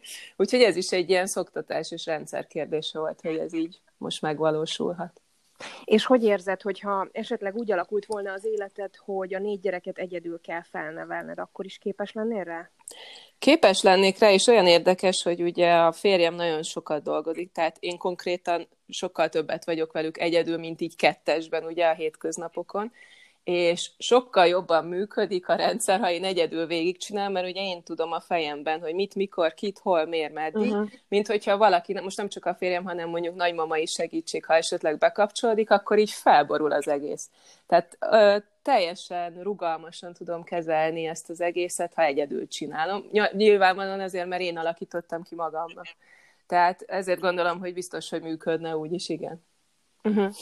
Most ez a 9.30 és 10.30 közötti időpont, amit, amiben beszélgetünk, ez azért hallom, hogy nálad egy elég ilyen biztonságos zóna, tehát csend van. igen, igen, Nem igen, tudom, igen. hogy a hallgatókat, vagy téged mennyire zavar, vagy mennyire halljátok, hogy az én gyerekem Harriet, az viszont iszonyatosan kaparja az ajtót. Ez sajnos része lesz a felvételnek. Nem meg dumál, ugye a napsütés miatt nagyon szeretne kimenni, de ezt most így megpróbáltam egy függönnyel így eltávolítani, de ajtónk nincsen, úgyhogy hát majd kiderül, hogy Jó. hogy bírja a felvétel. Harrietnek elnézem, mert úgyis ismerjük Köszönöm. egymást.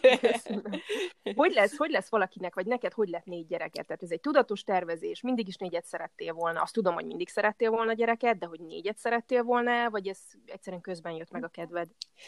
amikor az első gyerekünk megszületett, akkor csak abban voltunk, illetve én részemről úgy voltam vele, hogy nekem egy lány, egy fiú, ugye a Frida, hogy lány lett, akkor már csak egy fiú, és akkor én itt teljesen rendben vagyok. Ugye én nagyon családban nőttem fel, hogy hárman vagyunk lánytesok, én vagyok a legkisebb, és akkor én ezt így átértem, hogy milyen a nagy családos élet gyerekként, és úgy igazából nem nagyon vágytam én ugyanerre, tehát hogy így, így az jó volt, hogy ezt így megélem, meg tök jó, hogy ilyen sokan vagyunk, de így ennyi, és amikor megszületett a Frida, akkor jó, viszont úgy voltunk vele, hogy akkor a második gyerek kiskor különbséggel érkezzen. Én is így éreztem, a férjem is, pedig ő egyke, tehát ő benne nem, ő nem tudhatta, hogy milyen egy nagy család, viszont már akkor mondta, hogy ő szeretne egy harmadikat is, hogyha én is bevállalom. Uh-huh. És mhm. akkor ez így, így jött, hogy jó, hát akkor a három, persze én is ebben nőttem föl, nekem ez itt teljesen természetes volt.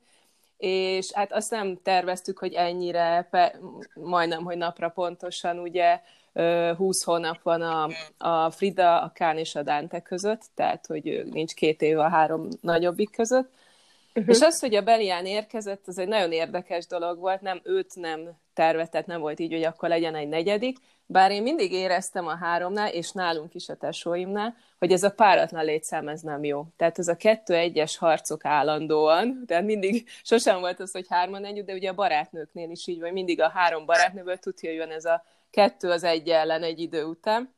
Uh-huh. És akkor mikor így kiderült, hogy hát a Belián már a pocakomban van, akkor egyértelmű volt, hogy hát akkor jön a negyedik. Titkon bennem volt, hogy hát, ha még egy lány, és akkor kettő, de nem.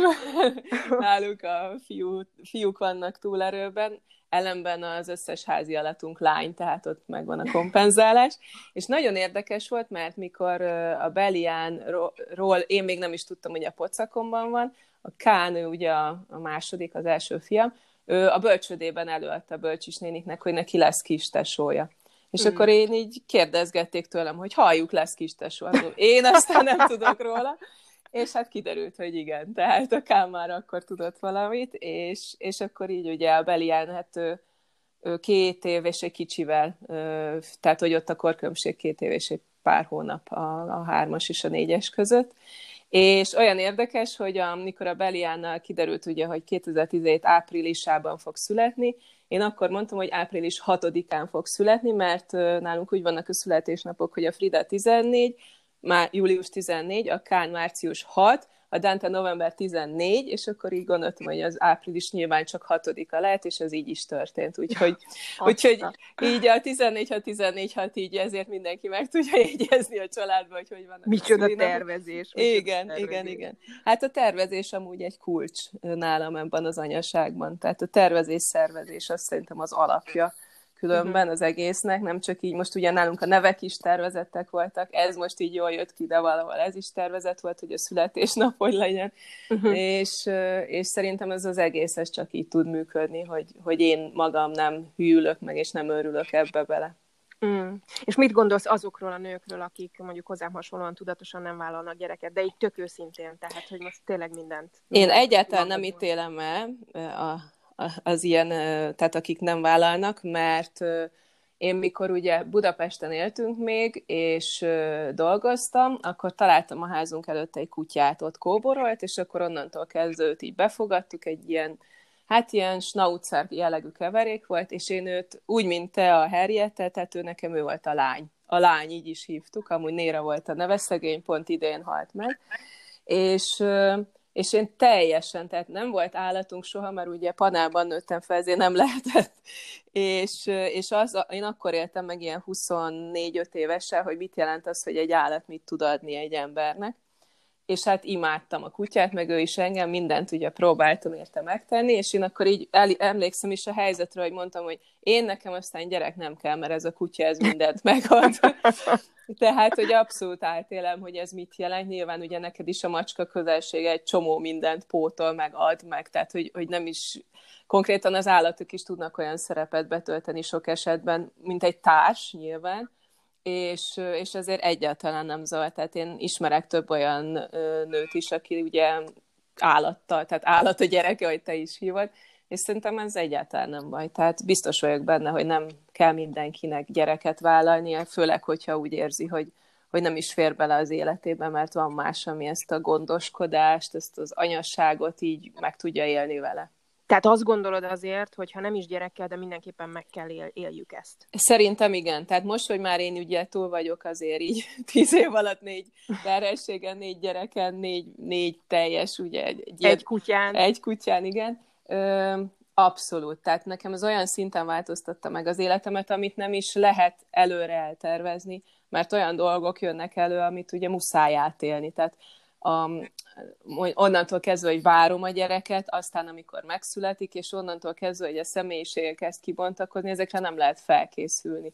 És ugye ez így közben jön. Tehát, hogy, hogy szerintem ezeket muszáj, igen, valamilyen szinten egy nőnek átélni, főleg, hogy ugye a természet úgy alkotott meg minket, hogy ez a gondoskodás, ez bennünk van. És így, hogy te megélted a házi állattal való szoros uh-huh. kapcsolatot, illetve a gyerekeid is vannak, és azt mondod, ami nagyon szimpatikus, köszönöm, hogy, hogy a házi állattal is meg lehet élni egy nagyon hasonló törődést, de azért egy olyan embernek, mint én, aki mondjuk csak a házi állat verziót élte meg, hogyan festenéd le, hogy mi a, mi a különbség? Vagy esetleg uh-huh. van-e olyan pontja annak, hogy, hogy gyerekvállalás, amiről én lemaradok, és a házi állatommal se fogom tudni átélni. Tehát mi az, amivel azért az mégiscsak több? Ami, mindenki, ami még nagyon érdekesség a házi állatos dologhoz, hogy amint viszont kiderült, hogy terhes vagyok a Fridával, onnantól kezdve elkezdett zavarni a kutya közelséget. Tehát ez nagyon, uh-huh, nagyon uh-huh. érdekes, egy ilyen ösztönszerű dolog volt. Tehát akkor már zavart, hogy puszilgat, hogy odabújik, akkor már, már távolodtam tőle. És ugye nyilván innen is jött már egy nagy változás, hogy ugye ez a, a, a gyerekkel kapcsolatban, amit megél az ember. Amit viszont ugye, hát nyilván a most te is mondod ugye, hogy beszélget a Harriet, tehát nyilván az, amikor a gyerek kimondja, hogy szeretlek anya, vagy te vagy a legszebb, tehát amikor olyan szavak jönnek ki a szájam, vagy hangzanak el, ami így, hát így bevésődik, tehát azok ilyen, mm. ilyen maradandó pillanatok, vagy amikor mondjuk a, az óvodában, iskolában, bármit, most ha a szereplést, ugye ez közös pontunk, akár ilyet nézünk, hogy mondjuk anyák napján, vagy egy kis apróság, hogyha nem is ilyen szervezett dolog, hanem leül, és akkor rajzol, és azt mondja, hogy na ezt most nőnapra rajzoltam például most a hm. neked egy hóvirágot, és akkor tehát ugye amire így nem is, ez, ez a jó, amilyen váratlan dolgok, de tőlük belőlük jön, így, így teljesen önállóan, na ezt ugye az állattal nehéz, tehát hogy ott ugye hm. azért itt így, így nem lehet így összehasonlítani. Meg amiben viszont szoktam mondani nekik, hogy hát látod, most két kutyánk van, látod, még a néróék is megértik, hogy ha rászólok a kutyára, hogy ide jöjjön, oda jön. Na, gyerek nem. Tehát, hogy ez meg a, ez meg a fordítva. A macska sem, Kata, a macska sem. Ennyi. Tehát, hogy van, mikor az állatokkal könnyebb, de ugye nyilván benne van, hogy ők tudják azért, hogy mi, mire számíthatnak. Tehát, hogy vagy játék, vagy ölelgetés, vagy a kaja és pont. Tehát, hogy így, mm, igen. ugye a gyerekeknél meg azért ez egy komplexebb dolog. Amit még szerintem így a gyerekekkel így meg, megélhető dolog, és ugye másban én eddig még nem találtam meg. Ez a, amikor azt érzed, persze a szerelemben is ez megvan az elején főleg, hogy, hogy így mindenki így, vagyis hát a, a párod ugye így teljesen így felemel, és így, így úgy érzed, hogy te vagy a minden, és ugye csak te, és te vagy a királylány, és ez ugye sajnos egy idő után lecseng a párkapcsolatokban, na a gyerekeknél ez soha. Tehát ez olyan érdekes, hogy, hogy ez az imádat az anya irányába, nyilván, mert mondjuk én látom ugye mind a két oldalt, hogy fiú-lány, teljesen más a fiúk imádata és a lány imádata az irányomba, de hogy, hogy ez azért, ez, ezt, ezt tényleg így nem lehet másban megtalálni, vagyis hát én még nem tudtam. Mm. És vannak esetleg, vagy voltak olyan pillanatok, amikor egy kicsit irigykedtél azokra, akiknek eh, nincs gyerekük, és az összes pénzüket, idejüket abszolút így magukra tudják fordítani. Képzeld el, hogy nem, mert eh, nekem a gyerekekkel, tehát ahogy így ugye én a médiában dolgoztam, tehát azért megéltem azt, hogy volt pénzem, és tudtam szórni, meg költeni, meg milyen jó volt bármit csinálni, de az, tehát biztos azért, mert én akkor ezt kiéltem, ezeket a dolgokat, meg ugye azt csináltam, amit szerettem volna, és ez így jó volt és ez addig tartott. És amióta gyerekek vannak, ugye ez egy ilyen más üzemmód, szerintem így lehet jól fogalmazni, amiben meg ugye az fér be, vagy az van benne, hogy általuk lettem én az, aki vagyok, és ugye elfogadom azt, ami van most, Persze, uh-huh. ott van benne a, a, a képben az, hogy ugye nyilván én azért szeretném a saját dolgaimat megvalósítani, mint mondjuk a Mamba blog, vagy a Momstyle, tehát hogy mindig vannak ilyen, ilyen önkifejezésre szükség, mindig van szükségem önkifejezésre, nyilván ilyen formában is, de én például nagyon tudatosan építettem be a Fridától, tehát már most már lassan kilenc éve azt, hogy az én időt azt én nem ilyen divatos, trendi fogalomként kezelem, hanem én teljesen szigorúan betartom. Tehát nekem így a... Hova által... fér bele? Tessék? Hova fér bele neked időben? Ö, én azzal kezdem a tervezést. Tehát, uh-huh. hogy én ilyen nagyon tervezős vagyok, de úgyhogy le is írom ilyen órarendeket. Amúgy ennyi gyereknél muszáj is, most az órarend uh-huh. miatt. Hogy, hogy én például azt, azzal kezdem, hogy akkor, amikor most például nem, de van, amikor képes vagyok azért fölkelni 6-kor vagy 5.30-kor, hogy mondjuk jogázzak előtte, hogy meditáljak előtte, hogy csinál, olvassak. Az olvasás az például egy, egy olyan kötelező dolog az életemben, amellett, hogy imádom, hogy tavaly óta csinálom azt, hogy havi két könyvet elolvasok, és ez rendesen úgy, mint annak a kötelező olvasmányokat is így olvastam, be van írva, hogy melyik nap hány oldalt kell elolvasnom, hogy haladjak vele. Akkor ez ugye tudom biztosan, hogy az a fél óra, az egy ilyen én idős program, amikor le van némítva a telefon, nem érdekel, ha hívnak, majd visszahívom, szóval ez egy ilyen nagyon tudatos tervezés, és szerintem ezért nem hiányzik már az a gyerek nélküli élet, mert így is meg tudom élni, amiket én szeretnék. És szerinted, hogyha nem lenne egy gyereket sem, uh-huh. ha másképp alakult volna az életed, akkor most mi lennél? Vagy, vagy mi szerettél volna annó lenni? Uh, ugye én cipőkészítő és tervezőként végeztem, tehát hogy ez mindig így bennem volt, hogy valamilyen vonalon működjek, annak ellenére, hogy aztán a médiában dolgoztam a legtöbb időt, de szerintem valószínűleg külföldön élnék, és valami ilyesmi dolog, dologgal foglalkoznék, tehát ilyen cipő és ehhez kapcsolódó kreatív tevékenységekkel. Aha. Ami lehet, hogy így hiányzik, vagy tehát az, az a része benne van, hogy mondjuk ilyen szakmai hiányom van, de azt is érzem, hogy ha kell, akkor még úgy, mint ahogy neked, hogy ha kell, akkor úgy is fogsz még foglalkozni azokkal a dolgokkal, amit szeretnél, tehát hogy ezt én is érzem, hogy előbb-utóbb úgy is előkerül, hogyha a cipőket kell megint gyárt, vagy hát kell gyártani. Mondjuk a gyerekek, mm. ugye ezt megéltem, mert nekik igaz, hogy nem bőrből, de ugye vartam, textilcipőket, de, de igazából most én ezzel így teljesen rendben vagyok. Tehát én most így, így úgy érzem, hogy így teljes ez az egész, a, az anyasság része, és amennyire tud kapcsolódni hozzá a többi dolgom, amit, amit csinálok, amit végzek. Tök jó, tök jó. És mit, mit tanácsolnál mondjuk a, a, a gyerekek előtti önmagadnak a gyerekvállalással kapcsolatban? Tehát, hogy van-e esetleg egy olyan része Aha. ennek a dolognak, amire úgy gondolod, hogy nem tudtál felkészülni, vagy váratlanul ért? Az, hogy ne akarjak annyira nagyon szigorúan minden szabályt betartani, amit a gyerekekkel kapcsolatban javasolnak körülöttem Főleg ugye az első gyereknél van ez, hogy mindenki mondja a, a saját életéből tapasztaltakat, a saját gyerekéből, ugye nyilván a nagymamák, a rokonság és mindenki, és akkor ugye így hajlamos az ember, hogy akkor jó, hát ha ő úgy csinált, akkor én is így. Na ez például biztos, hogy nem csinálnám meg még egyszer. Hozzáteszem, a, a harmadik gyereknél még próbálkoztak, negyediknél már senki nem mert nekem tanácsokat adni, tehát akkor már mondtam, hogy szerintem ezt így be lehet fejezni. Addigra már bizonyítottál, igen. hogy egyedül Így igaz, igen, úgyhogy talán ez. De azért van-e olyan dolog, amivel, amivel kapcsolatban úgy érzed, hogy nem tudsz vele megbírkozni, tehát hogy a mai napig óriási kihívást jelent? Ö, óriási kihívást jelent nekem a főzés, mert én ezt nem szeretem. Tehát ezt soha nem szerettem gyerekek előtt sem. Én inkább megsütök öt tortát, vagy sütem, én csak főzni kelljen.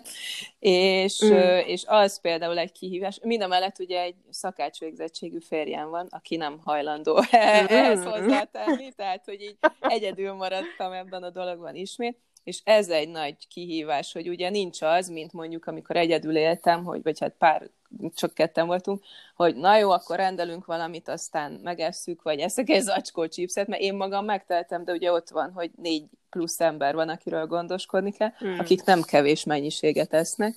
Tehát, hogy így, így ez nekem egy nagy kihívás, hogy ezt megoldani. És ugye ez a szokásos ötletelés, hogy mi legyen, mit, mit készítsek, jaj, már megint este van, de már szendvics unalmas, Szóval, hogy, hogy ez így egy ilyen sakkozás állandó. Hogy legyen. És akkor hogyan, hogyan oldod meg? Mi erre a, a tanácsod esetleg, vagy a tipped másoknak? Hát erre megint a tervezés. Tehát az, hogy ugye heti menüt próbálok összeállítani. Egy az, hogy gyűlölök boltba járni, tehát az, hogy bepakolom, kipakolom, itt megint, ott megint, tehát e, ettől már, igen, úgyhogy az online vásárlás át fogok térni, most már épp itt az ideje.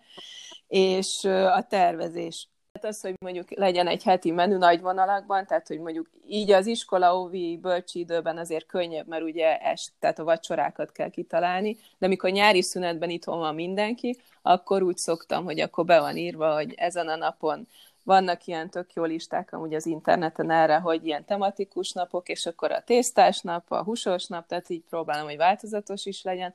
Azt szerint megvásárolom, és akkor így nagyjából most már tudom, hogy mi mennyi idő elkészíteni, mekkora mennyiségek kellenek, mert ugye ezt sem tudtam az elején, és akkor így, így talán így könnyebb, hogy ez, de tényleg ez megint a tervezés.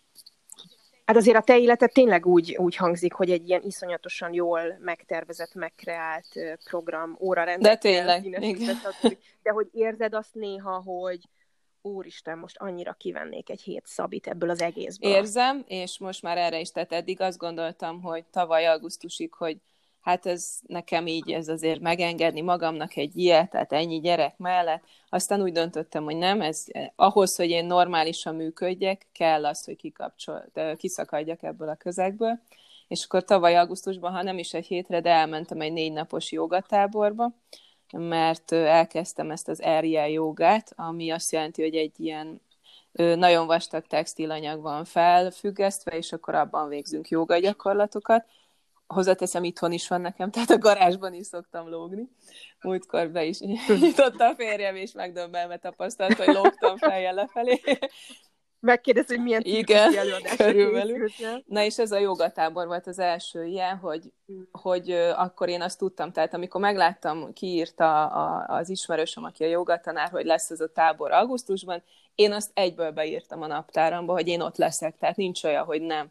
És akkor onnantól már jöttek ugye a, a segítségek, hogy jó, akkor a gyerekeket meg tudom oldani, hogy Veszprémben lesznek anyukámnál, tehát hogy így, így egyből jött, nem volt az, hogy de hogyan, hanem a, meg volt az, hogy én megyek, és hozzájöttek a megoldások, és ez egy Tök olyan jó. négy nap volt, hogy amikor odaértem, szóltam a férjemnek, hogy megérkeztem, és amikor elindultunk, akkor szóltam, hogy elindultam, és senkivel nem beszéltem négy napig, nagyon-nagyon jó volt, tehát nagyon kellett ez a teljes hírzárlat, úgymond, hogy a gyerekekkel mi van, a férjemmel mi van.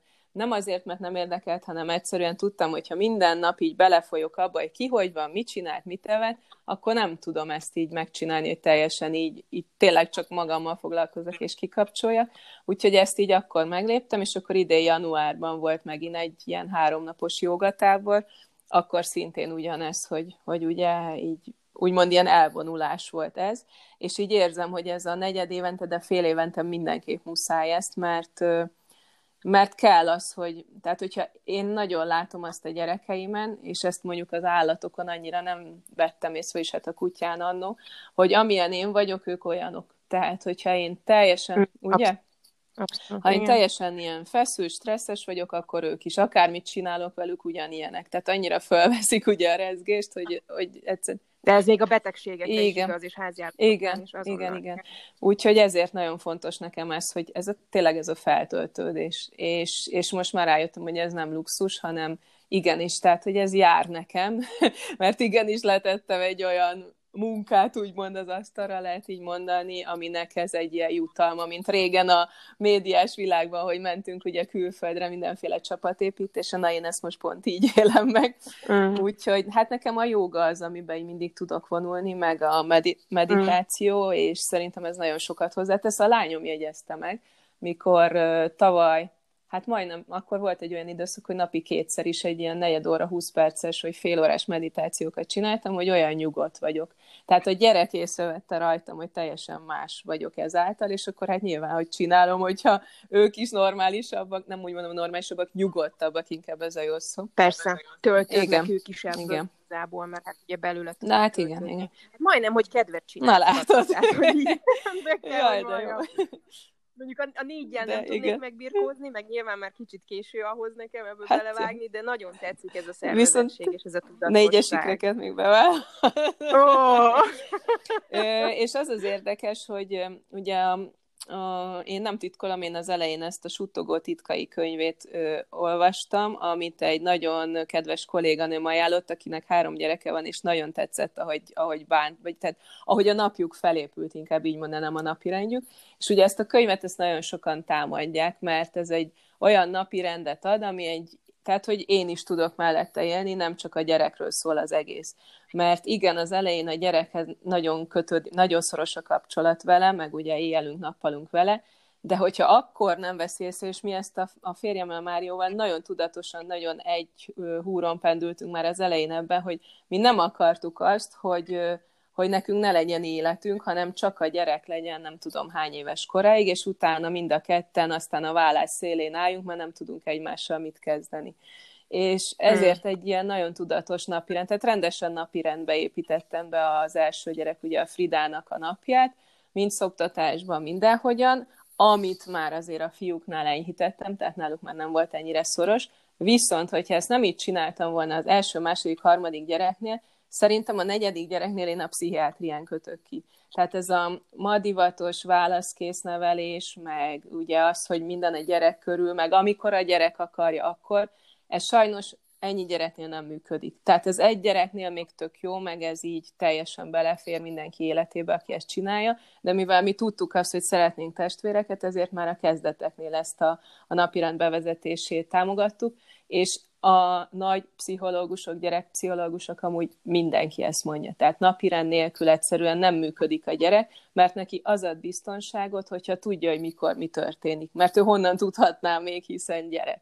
És ugye ezekkel Persze. a határokkal, amiket adtunk, vagy tudta, hogy fürdés után, vagy vacsora után jön a fürdés, vagy tehát ahogy meg, megcsináltuk, onnan ő már tudta tartani, vagy hát már így érezte, hogy ahogy nőtt fel, hogy igen, most akkor ez a program kész. És akkor ugye így már a fiúkat is, tehát nekem például ezért nem volt nehézség, a második, illetve a harmadik gyereknél könnyebb volt minden, mint a másodiknál. Tehát, mert akkor már úgy kialakult a rendszer, hogy ugye simán be tudtam illeszteni a harmadik gyerek programját, a negyediknél meg már ezért nem tartottam semmitől, mert tudtam, hogy működik. Szóval, hogyha ez nem lett volna, akkor, akkor én biztos, hogy nagyon, nagyon nem ilyen lennék, mint most, meg nem ilyen lenne a hozzáállásom. És nekem végig fontos volt például terhességek után is ugye a testmozgás minél hamarabb visszahozása, mert hogy én mindig ugye egy elég intenzív testmozgással teli életet éltem, és ezt is fontosnak találtam. Ezért van az, hogy uh-huh. bár ugye a hallgatók nem látnak, de te tudod, hogy igazából majdnem hogy ugyanúgy nézek ki, mint tíz évvel ezelőtt. Amit viszont nagyon nehezen fogadtam el, és most itt a test, a dolog, testtel kapcsolatos kérdésekre rátérünk, az például a has. Tehát, hogy ugye nagyon rövid idő alatt szültem sokat, és ezáltal ugye az annó kockás hasamból most megvan az izom, de ugye egy ilyen Estére úgy szoktam kinézni sokszor, mint egy négy hónapos terhes, tehát egy ilyen kipuffat hasacska van. Én reggel is, én reggel is nézek. és ugye ezt nekem nagyon fura volt elfogadni, hogy tehát ez mm. már soha többé nem lesz olyan, hiszen össze-vissza repet minden irányba a hasam, ugye nagyon nagy babák voltak mind a négyen, tehát ilyen négy kiló fölöttiek, és természetes úton szültem meg őket, tehát hogy így igazából itt viszont be, előfordulhat, hogy a szerencse és a genetikán köszönhető, hogy semmilyen repedés nem lett a hasam bőrén, tehát hogy nincsenek ilyen csíkok. Cserébe viszont van ez a puffadság, némi köldöksérv és egy kicsit szétnyílt hasizom, de ezt meg úgy vagyok vele, hogy ez meg ennyi jele lehet annak, hogy ennyi gyerek van. Ez, ez igen. vele Úgyhogy ezt ez nem bánom. Igen. És hogy egy ilyen záró gondolatként számodra mi a, mi a legjobb dolog az anyaságban, főleg abban, hogy, hogy négy gyereked van?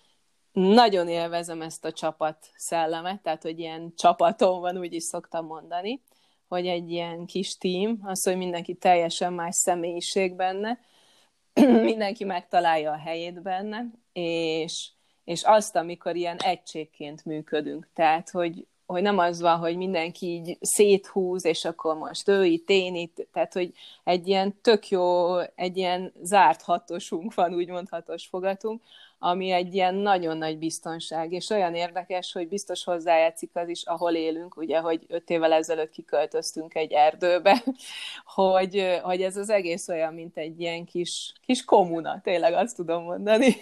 és tehát ez az egész az életformánk is, amellett ugye, hogy persze városban lakunk, meg obiba járnak, meg minden, tehát nem önellátóak vagyunk, de ez a szabadságérzés, amit a gyerekek átélnek, hogy itt vagyunk, és igazából bármit tudnak csinálni itt a természetben, meg ez, hogy, hogy amit tudnak nekem adni, tehát a, meg amit tanítanak, inkább ez a legjobb fogalom rá, ugyanis mindig azt veszem észre, hogy ugye mindegyik rezdülés egy visszajelzés nekem, és például ami a legnagyobb dolog, és meg kellett tanulnom az anyaság során, az a türelem. Tehát, hogy olyan óriási türelem kell ahhoz, hogy így elfogadjam, hogy valamelyik lassabb, valamelyik már kész. Tehát egyszerűen így, így a rugalmasság is benne van, de ez, hogy türelmesen, és sokszor ugye mély levegőzök, és csinálom a joga légzést, és mindent, hogy ezt így elviseljem, de muszáj, mert ők ezzel fognak fejlődni, és ezzel lépnek tovább. De jó, köszönöm. Köszöncs. Uh, Kata, neked van amúgy podcastod ebben a témában? Ebben a témában nincsen. Ugye a... Akkor csak egyet kérek tőled, hogy holnap kezdjük. Tényleg? Jó. Oké. okay. Aha, tehát szerintem baromi jó. Na, köszönöm. Úgyhogy jó. most el is köszönök tőled, és aztán a következő blogban pedig jövök Dorkával, aki ugyancsak egy négy gyerekes Rendben. anyuka. Köszönöm, hogy beszéltünk. Szia! Köszönöm.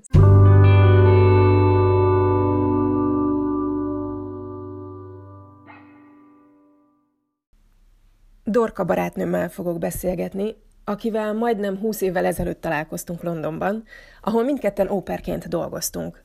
Ugyanis akkor még nem volt Magyarország EU tag, így csak óper vízummal lehetett a korunkbeli lányoknak kimenni, dolgozni és nyelvet tanulni. Fiatalok voltunk, az angol gyerekek meg nagyon elkényeztetettek.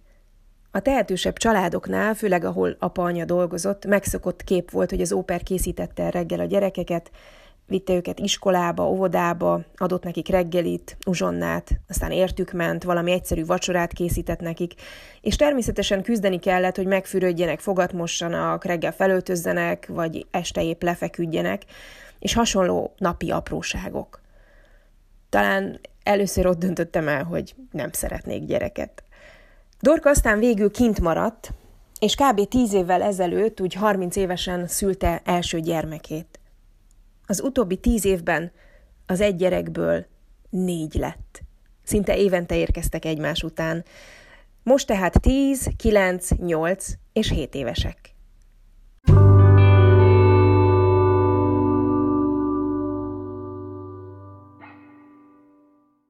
Dorka, te mindig négy gyereket szerettél volna? Igen, vagyis inkább mindig tudtam, hogy páros számú gyermeket szeretnék. Tehát vagy kettő, vagy négy, vagy hat. A hat túl sok, a kettő túl kevés. Úgyhogy így a négy lett. Miért mondod ezt, hogy a kettő túl kevés? Azért volt a kettő túl kevés, mert az nem volt, nem volt számomra kihívás. Az igen, az igen. De mielőtt beleugrottál, nem volt, tehát akkor csak ennyi volt, hogy páros szám, és páros amikor szám, a másodikhoz igen. akkor tudtad, hogy na, mindenképpen kell még a négy. Hát úgy, úgy másodiknál volt egy kicsit nagyobb ö, törés. Törés. Tehát 14 hónap van az első kettő között, a második, harmadik között 17, és a harmadik, negyedik között pedig 11. Tehát, Tehát akkor volt egy más, egy majdnem másfél hónap ö, szünet, és úgy jött ki, hogy ott egy kicsit gondolkodtam, hogy kell-e még, kell-e még, kell-e még, és akkor azt mondtam, hogy igen, és kell. De, de miért? Mi az neked a, a, a gyerekvállalásban, vagy az anyuka létben az, ami, ami ezt az igent mondatja veled? Nem tudom, megtelik a szívem. A gyerekek tulajdonképpen megtelítik a szívemet olyannyira, hogy úgy érzem, hogy, hogy kellett ez a boldogságomhoz, és igazából nem is emlékszem rá, hogy, hogy igazából milyen volt előtte. És hogyha Magyarországon élnél, vagy éltetek volna, akkor is bemertél volna vállalni négy gyereket? Öm, nem valószínű, nem hiszem, hogy, a, hogy, a, hogy az életbudgetbe belefért volna a, a négy gyerek. Tehát nem Tehát, tudom, hogy anyagilag fina, financiálisan nem hiszem, hogy tudtam volna ö, a négy gyereket tartani. Mert ugye ezt egyedül csinálom. Igen, ezt tegyük hozzá, tehát azért azoknak, akik most hallgatnak minket, hogy nem a tipikus egyedülálló anyuka vagy, mert a, a, a gyerekeknek ott van az apukájuk, és hétvégen te elvileg elviszi őket, és akkor nála vannak, illetve van neked már elég régóta egy másik, egy, egy új párkapcsolatod, de maga a gyereknevelést azt viszont teljesen egyedül csinálod. Igen. És Igen. egyedül is finanszírozod. Egyedül is finanszírozom. És figyelj, Dorka, ez most egy ilyen nagyon személyes, nagyon személyes kérdés, hogy nekem az a tapasztalatom, hogy amikor gyerekek vannak körülöttem, vagy akár csak egy, akkor engem az úgy egy picit ki tud készíteni, hogyha mondjuk ilyen, ilyen non-stop üvölt, vagy, vagy, vagy csak így csörög valamivel, vagy rohangál, vagy nem tudom, én egy kicsit ettől úgy, úgy feszült leszek. Tehát én el sem tudom képzelni, hogy mi van, hogyha mondjuk négy gyerek van így körülöttem, hogy, és már voltam úgy anyuka társaságában többször, ahol éreztem, hogy már indul bennem ez a feszülés, és az, anyukának, az anyukán pedig nyomát se láttam ennek, úgy viselkedett, mintha nem is hallaná, vagy nem benne róla tudomás, tehát hogy hogy, hogy gondolom, hogy lehet, hogy esetleg az inger küszöbe kitolódott, vagy nem tudom, hogy te ezt így hogy éled meg, hogy neked so, soha nem volt olyan, hogy eldurrant az agyad, azt érezted, hogy nem bírod tovább, hogy ez sok, hogy, vagy egyszerűen az ember ehhez hozzászokik? Fú, ez egy elég összetett kérdés. Tehát uh, le, kell, le kell szögeznem azt, hogy a, a négy gyerekem közül kettő megállapítottak autizmus spektrum disorder tehát az autizmus skálán a két legidősebb már fönt van, az egyik hiperaktív, a másiknak meg egy elég összetett ö, kis szettje van. Ö, ami egy kicsit megnehezíti a normális gyereknevelést, mivel az én gyerekeimet nem lehet normálisan nevelni. Tehát föl kellett, föl kellett vagy rá kellett jönnöm arra, hogy, hogy tulajdonképpen mik azok a, a, azok a nem is tudom mi a jó szó erre, triggerek, amik a gyerekeimet kiakasztják, és ezeket kellett kivennem a, innen a skálából, ugye, mert néha nem jó, hogyha sokan vannak körülöttünk, nem, nem jó, ha zajos, nem jó, ha büdös, tehát egy csomó minden olyan dolgot kell kiköszöbölnöm a gyerekneveléssel kapcsolatban, amit, amit másoknak valószínűleg nem kell számba venni. Tehát amikor mi a játszótérre megyünk, akkor olyankor megyünk a játszótérre, amikor kevesen vannak a játszótéren. Mert ha túl sokan vannak, akkor kiakadnak. Tehát ez egy, ez egy elég érdekes dolog. Biztos vagyok benne, hogy nekem is kitolódott a, a küszöböm, mert egy csomó dolgot valószínűleg nem úgy élek már meg, mint hogyha nem lenne gyerekem de, de persze nálam is kiakad néha az ütő, és elkiabálom magam, mert, mert sokszor máshogy nem tudsz, tehát ez nagyon szarul fog hangzani, de tehát nem tudsz, rájuk kell, hogy ijesszél azzal, hogy hangosabban reagálsz valamire, mert a veszélyérzetük, nem, a veszélyérzetük az nem ott van, ahol egy átlag gyereknek, tehát uh-huh. az mhm. enyémek simán kisétálnak az autó elé. Atya Isten. Tehát, tehát so, sokszor van olyan, hogy, hogy amikor már ugye csak két kezem van, tehát csak kettőjüket tudom fogni, a két kicsik még túl kicsik voltak ahhoz, hogy elengedjem a kezüket, a két nagyok meg ugye a spektrumon vannak, tehát nem igazán kellene elengedni a kezüket, és ilyenkor gondolkodik az ember, hogy na ezt most hogy oldom meg, tehát ilyenkor el, elengeded az egyik kicsit, és reménykedsz benne, hogy ők nem szaladnak el, és elkapod a másikat a grabancánál fogva, mielőtt kisétál egy autó elé. Tehát ilyenkor azt kell mondanom a gyerekeknek, hogy légy szíves, fogjátok meg a hátizsákomat, és akkor le tudok térdelni, hogy bekössem a gyerek cipőjét.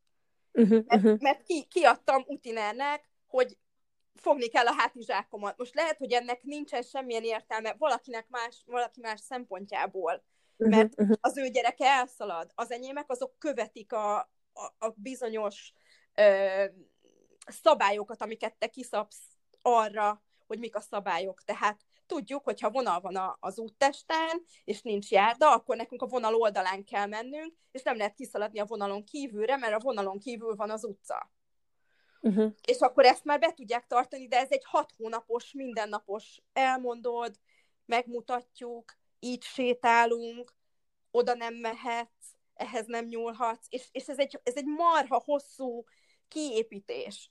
Amikor már kiépítetted, akkor viszont nem lehet lerombolni. Tehát akkor az már ott van stabilan életére, uh-huh. és mhm. hogyha azt mondom neki holnap, hogy lehet, lehet néha, hogy az ég nem kék, de szürke, azt mondja, hogy nem, mert az ég az kék. Mert te azt mondtad, hogy az ég az kék. Érted? Tehát, tehát sokszor, tehát a, a flexibilitás hiányzik nagyon sokszor, a gyerekei mindent szó szerint vesznek, tehát nem lehet velük, nem lehet velük poénkodni, tudod? Nem mondhatom neki azt, hogy basszus, kinyírsz ezzel, hogy ezt csinálod, mert azt hiszik, hogy tényleg meg fogok halni. Tehát, mm, mm. tudod, tehát egy csomó, csomó olyan do- dologra kellett rájönni így időközben, amiket, amiket más szülők valószínűleg teljesen másképp csinálnak, és nem, nem, nem pontosan azért, mert sokan vannak, hanem mert ilyen fajta, nem mondom, hogy probléma, mert ez nem egy probléma, ez egy, ez egy életút, ami neki ki lett szabva. Nem probléma, lehet kezelni, csak, csak neked kell flexibilisnek lenni tulajdonképpen ahhoz, hogy ezt kezelni lehessen vagy hogy neked te tudjál rájönni arra, hogy mi a jó és mi a nem jó. És Dorka, te hogy kaptál ebben a gyereknevelésben segítséget, mert ugye az elején elmondtuk, hogy, hogy férfi szempontjából nézve egyedül vagy ebben a dologban, tehát hiába van valahol apa, azért te mégis egyedül csinálod a gyereknevelést, és, és a családodtól is messze vagy, ráadásul neked Igen. anyukát sincs már velünk jó ideje, apukád van, aki ráadásul Magyarországon él. Tehát tulajdonképpen uh-huh. te rohadtul egyedül vagy ebbe az egészbe. Tehát, hogy, hogy hon, hogy kaptál erről egyetlen erőt, támogatást, segítséget? Ö... ez kiépült, ez kiépült ab, ab, abban, amikor először eljöttem, ugye eljöttünk Magyarországról, te is tudod, én is tudom, eljöttünk ide, egyszer, tulajdonképpen egyszer egy magunk nem nagyon ismertünk senkit, az élet összehozott egy pár ismerőssel, akik benne maradtak az életedben, de mindenki ment a maga útján, és igazából ugyanez van gyerekneveléssel is, tehát te benne vagy ebben, csinálod, persze dumálsz másik anyukákkal, meg másik szülőkkel, meg, meg esetleg professzionális emberekkel, akik, akik mondjuk ezzel foglalkoznak, tanítók, tanárok, no, izé, ovis pedagógusok, de, de igazából olyan szintű segítséget, hogy, hogy nekem jöjjön a nagyi vagy a nagypapa, és átvegye a gyerekeket, és, és nekem legyen egy ilyen, egy, egy ilyen igazi jó kis szünetem, amikor elmehetek, és igazából vakarhatom a fenekemet egy napig, hogyha éppen azt akarom, ilyen nincs. Tehát ez, és ez nem... hogy viseled? Ez mennyi? Én tudom, hogy én ettől megőrülnék, hogyha nekem nem lenne ilyen, de te ezt mondjuk hogy viseled, hogy neked nincs ilyen? Figyelj, de hát ha látnál, akkor tudnád, tök megőszültem, tehát egyértelmű, hogy, hogy ez a gyerekvállalás az igencsak öregít, de, de tehát nem, nem, ez, ez amikor az ember benne van, akkor, akkor mész vele, tehát nincs, nincsen, nincsen választási lehetőség, most nem, nem fogsz odállni valahova, és azt mondom, hogy basszus, én ezt nem bírom tovább csinálni, itt vannak a gyerekek, azt csá. Hallottam ilyenről, van ismerősi körömben, ahol az anyuka azt mondta, hogy neki ebből elege volt ebből az anyukaságból, és ott hagyta a gyereket az apukákkal, akik mm. utána ugye összeszedték magukat, és nevelték a gyereket, és anyuka azóta, mit tudom én, hol van, nem látja a gyerekeket. Mm. Nálam, nálam ez mondjuk egy kicsit jobb, tehát az apukájukkal ugyan nem vagyok együtt, ennek megvannak a, a különböző okai, de tehát nem vagyunk együtt, de ő hétvégén elviszi a gyerekeket, ami nekem biztosítja azt az időt, hogy, tudja hogy dolgozni. én tudjak dolgozni.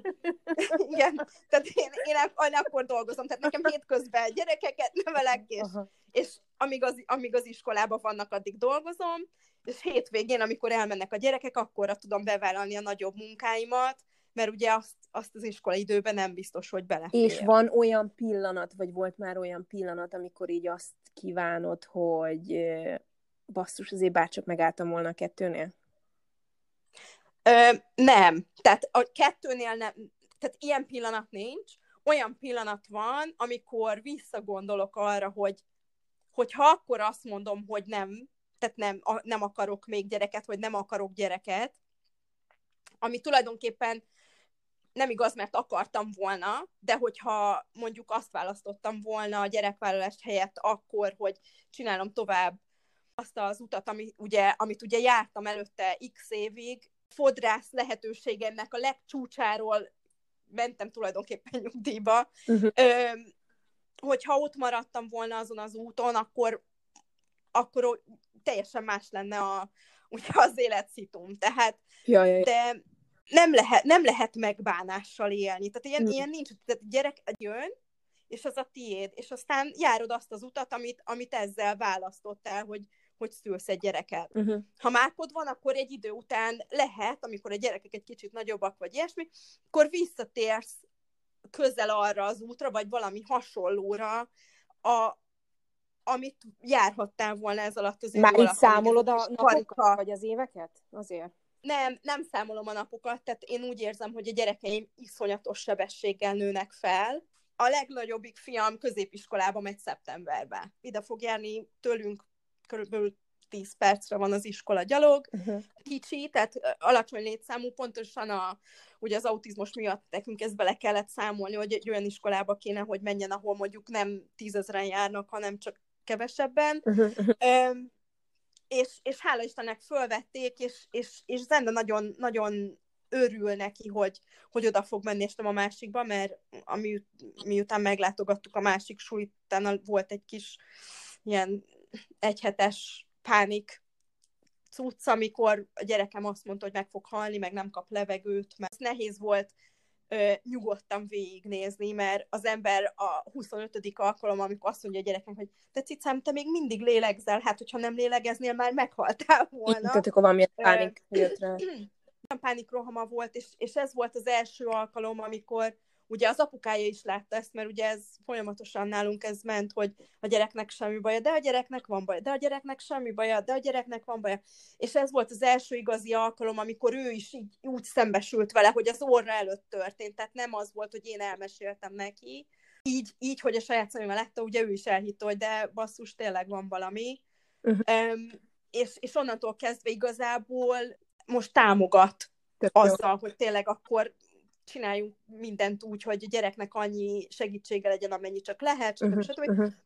Tehát így tulajdonképpen egy kicsit ilyen jobb vágányra ment. Hát, hogy így átérte de... a súlyát, gondolom. Hát muszáj volt, mert uh-huh. ugye azért ez hat, hat éve megy már ez a húzavona, hogy, hogy van-e vagy nincs vagy van-e vagy nincs és, és ugye még folyton ez, ez folyton így ment, és, és, és legalább egy kicsit így látta, akkor jobban hogy... van, gondolom. Igen, uh-huh. tehát így, így ez teljesen más. És figyelj, ez, a, ez az én idő, fér. amiről beszéltünk, hogy az én idő az neked úgy annyira, úgy most így nincs jelen. Uh, azt leszámítva, így mi a legnagyobb áldozat neked így az anyaságban, vagy mi az a dolog, amiről le kellett mondanod, és uh, sajnálod, vagy hiányzik, vagy oké, okay, nem, nem megbántad, hogy gyereked lett, ezt vágom, de hogy, de hogy úgy mégis van-e olyan dolog, ami hiányzik, vagy, vagy sajnálod? Uh, ugye van, van egy pár olyan dolog, ami hiányzik, de, de ezek olyan hiányzások, amik um, úgy gondolom, hogy később pótolhatók lesznek. Például? Utazás. Uh-huh. Utazás úgy, hogy, hogy fogom a bőrönömet, és, és veszek egy egyet, és elmegyek valahova. Tehát ez, ez nem működik a négy gyerekkel. Ö, ugye az ember sokkal inkább kell, hogy tervezzem, mert meg kell terveznem azt, hogy ha, elmegy, ha el is tudok menni véletlenül valahova, mert osztálytalálkozóra már mentem haza egyedül né- három napra Magyarországra, nekem ezt mindegyiket úgy kell megszerveznem, hogy ugye én péntek reggel eldobom a gyerekeket iskolába, és én péntek reggeltől vasárnap estig vagyok szabad. Uh-huh, uh-huh. Egy évben egyszer hazamegyünk Magyarországra a nyáron, uh-huh. és, az le van, és az le van tudva, és nekem ennyi az utazás. Most uh-huh nagyon sokan mondják, hogy fú, hát te olyan szerencsés, hogy, hogy minden évben hazajársz nyaralni. És ilyenkor mindig el kell mondanom mindenkinek, hogy a srácok, ez nem úgy van, hogy én hazamegyek nyaralni, földobom a lábamat a szasztalra, és vakarom a fenekemet három hétig. Ez úgy van, hogy én csak átköltöztetem az összes szart, amit csinálok itt, oda.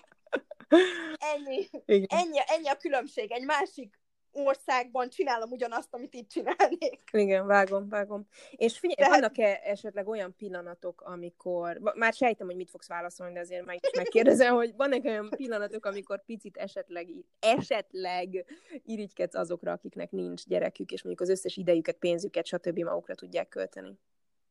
Figyelj, persze, de ez, tehát az irítség lehet, hogy nem a legjobb szó, legjobb szó rá. Kicsit erős. Ö, de, de persze, van ilyen érzés, hogy tehát látom az unokatesómat is, akinek nincs gyereke.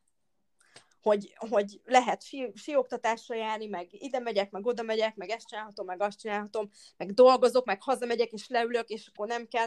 Este nincsen izé, anya, anya, egész este. Tehát persze, ezek a dolgok, ezek néha úgy benne vannak az emberben, hogy ó, bakker, csak hagyna már mindenki lógni öt percig hogy ne törnék rám az ajtót, amíg megpróbálok kakélni mondjuk, uh-huh, vagy, vagy uh-huh. tehát, ilyen, ilyen apróságok, tehát hogy, hogy be tudnék ülni a fürdőkádba, és három perc múlva nem törni rá valaki az ajt, rá, rám az ajtót, és mondja, nekem pisilni kell. Tehát öm, persze, megvannak az emberben ezek az irigykedések, hogy tök jó lenne, ha hazajönnék, és felnyitom a WC deszkát, és nem kukkol rám valami onnan.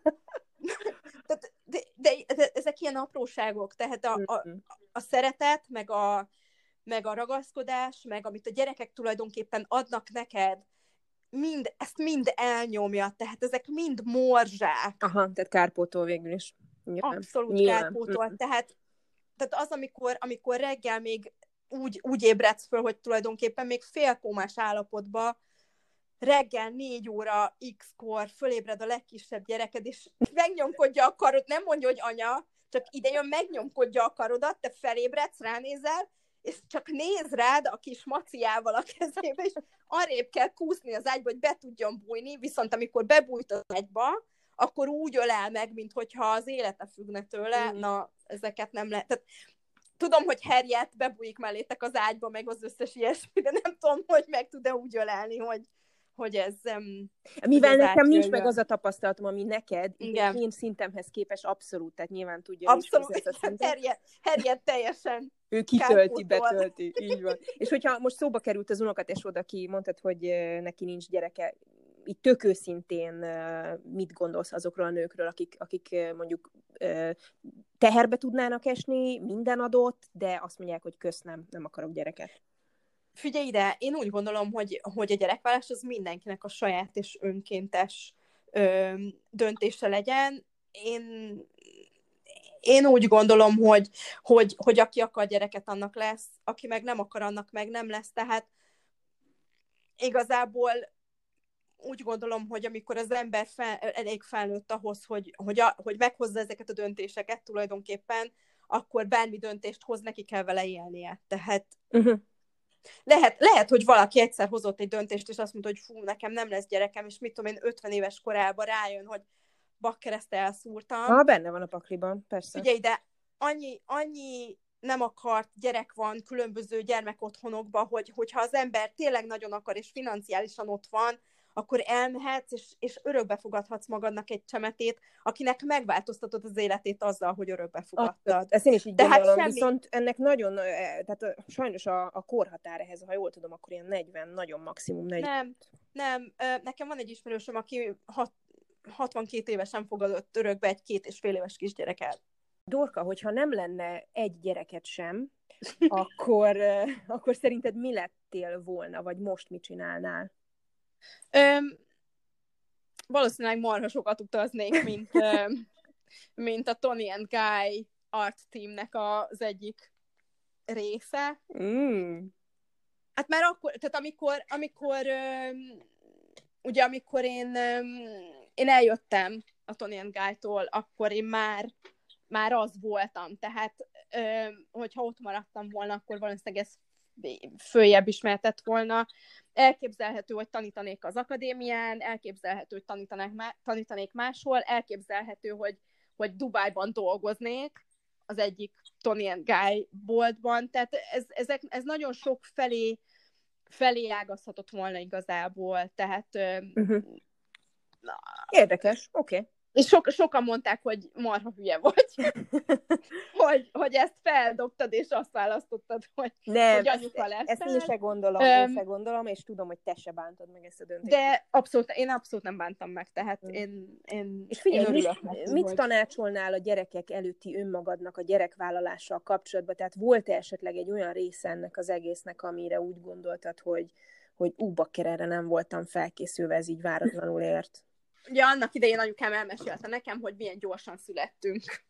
Mindannyian, nagyon gyorsan, egy óra alatt. Én 45 perc alatt születtem, én voltam az első, ami ugye senki nem várta, hogy, hogy anyuk köhög egyet és kiesek. Öm, és nekem igazából, tehát én, én, én azt mondtam, hogy hú, hát nekem is biztos, hát ugye benne van a genetikában, hogy nekem is biztos így lesz gyerekem, majd én leszek a földanya, és izé, tudom én, gyertyalángokkal körülvéve light zenére fogok szülni, és nem lesz Két tüsszentés meg... között. Igen, üvöltés se lesz, mindenki nyugis lesz, és minden tök jól fog menni, és fél óra alatt kiköhögöm az endét. Hát nem így történt, tehát beszirénáztak 28 órai vajudás után a kórházba, és kikapták belőlem zendét, aki éppen csak még nem halt meg. Tehát az, ember, az emberek ezekre nem készülnek fel, tehát mindenkinek a fejében van egy kis ilyen, hogy is mondjam, egy ilyen lila köd, ami, ami ugye azt mondja, hogy na, figyelj, minden jó lesz, meg minden fog működni, meg ülni fogsz a izébe a kádatba, és majd izé gyönyörű lesz, mert a gyerek izé, csak rácsúsztan a Rózsaszírmok között, igen. Izé, rózsaszírmok között, pontosan. Tehát van egy ilyen elképzelés, tudod, a köd az ott ül, és hát amikor, amikor, mit tudom én, 20 futkároznak körülötted, és, azt, és ott üvöltik egymásnak, hogy de a gyereknek a szívhangja lent van, és most ki kell szedni. Öm, és tudod, nyomják bele a hátadba az injekciót, mert, mert azt mondják, hogy hát inkább ne atassunk el mert lehet, hogy nem jó az asztnád miatt, hogyha eladhatunk. Yes. Tehát ilyen igen, tehát ez, ezek a dolgok, ezek az, amiket, amikre igazából senki nem készít fel. És figyelj, a mindennapokban a négy gyerek életének a, a, a menedzselésébe, abban van-e olyan dolog, amivel úgy gondolod, hogy hát ha meg is birkózol, de azért így óriási kihívást jelent? Igen, a reggeli összeszedés, tehát ez a reggeli mindenki megmosta a fogát, mindenki megmosta az arcát, mindenki fölöltözött rendesen, mindenki van-e bugyi, trikó, az uniform is, a cipője rendben van, az oknia nem, mit tudom én, kék és lila a szürke vagy fekete helyet. tehát ilyen, ilyen, ilyen dolgokra, meg kislányom mondjuk ne izé, cirmos cicanadrágba menjen iskolába, hanem mondjuk, tehát ami ki van írva, hogy szürke harisnya kell, Vandát néha le kell lőni reggel, mert, mert kifesti a szemét meg a száját, és akkor egy hiszem, nyolc évesen nem biztos, hogy kellene azért fuss be suliba jár. tehát, tehát ezek a dolgok, ezek, ezek ilyen és ilyen, mennyi, mennyi idő kell neked reggel? Tehát, hogy én, én speciál, én ha, ha nagyon kényelmes, lassan induló reggelt akarok, akkor felkelek mondjuk 7-7.30 körül, uh-huh. és akkor mondjuk nekem olyan 10.30-ig totál csak magammal kell foglalkoznom. Tehát, hogy neked mennyi idő van, hogy a négy gyereket összeragd, és kilépjetek okay, az ajtón. tehát hét körül kiszenvedem magam az ágyból, akkor fölébreztem ugye a srácokat, hogyha nem keltek még föl, van olyan, hogy már fölkeltek.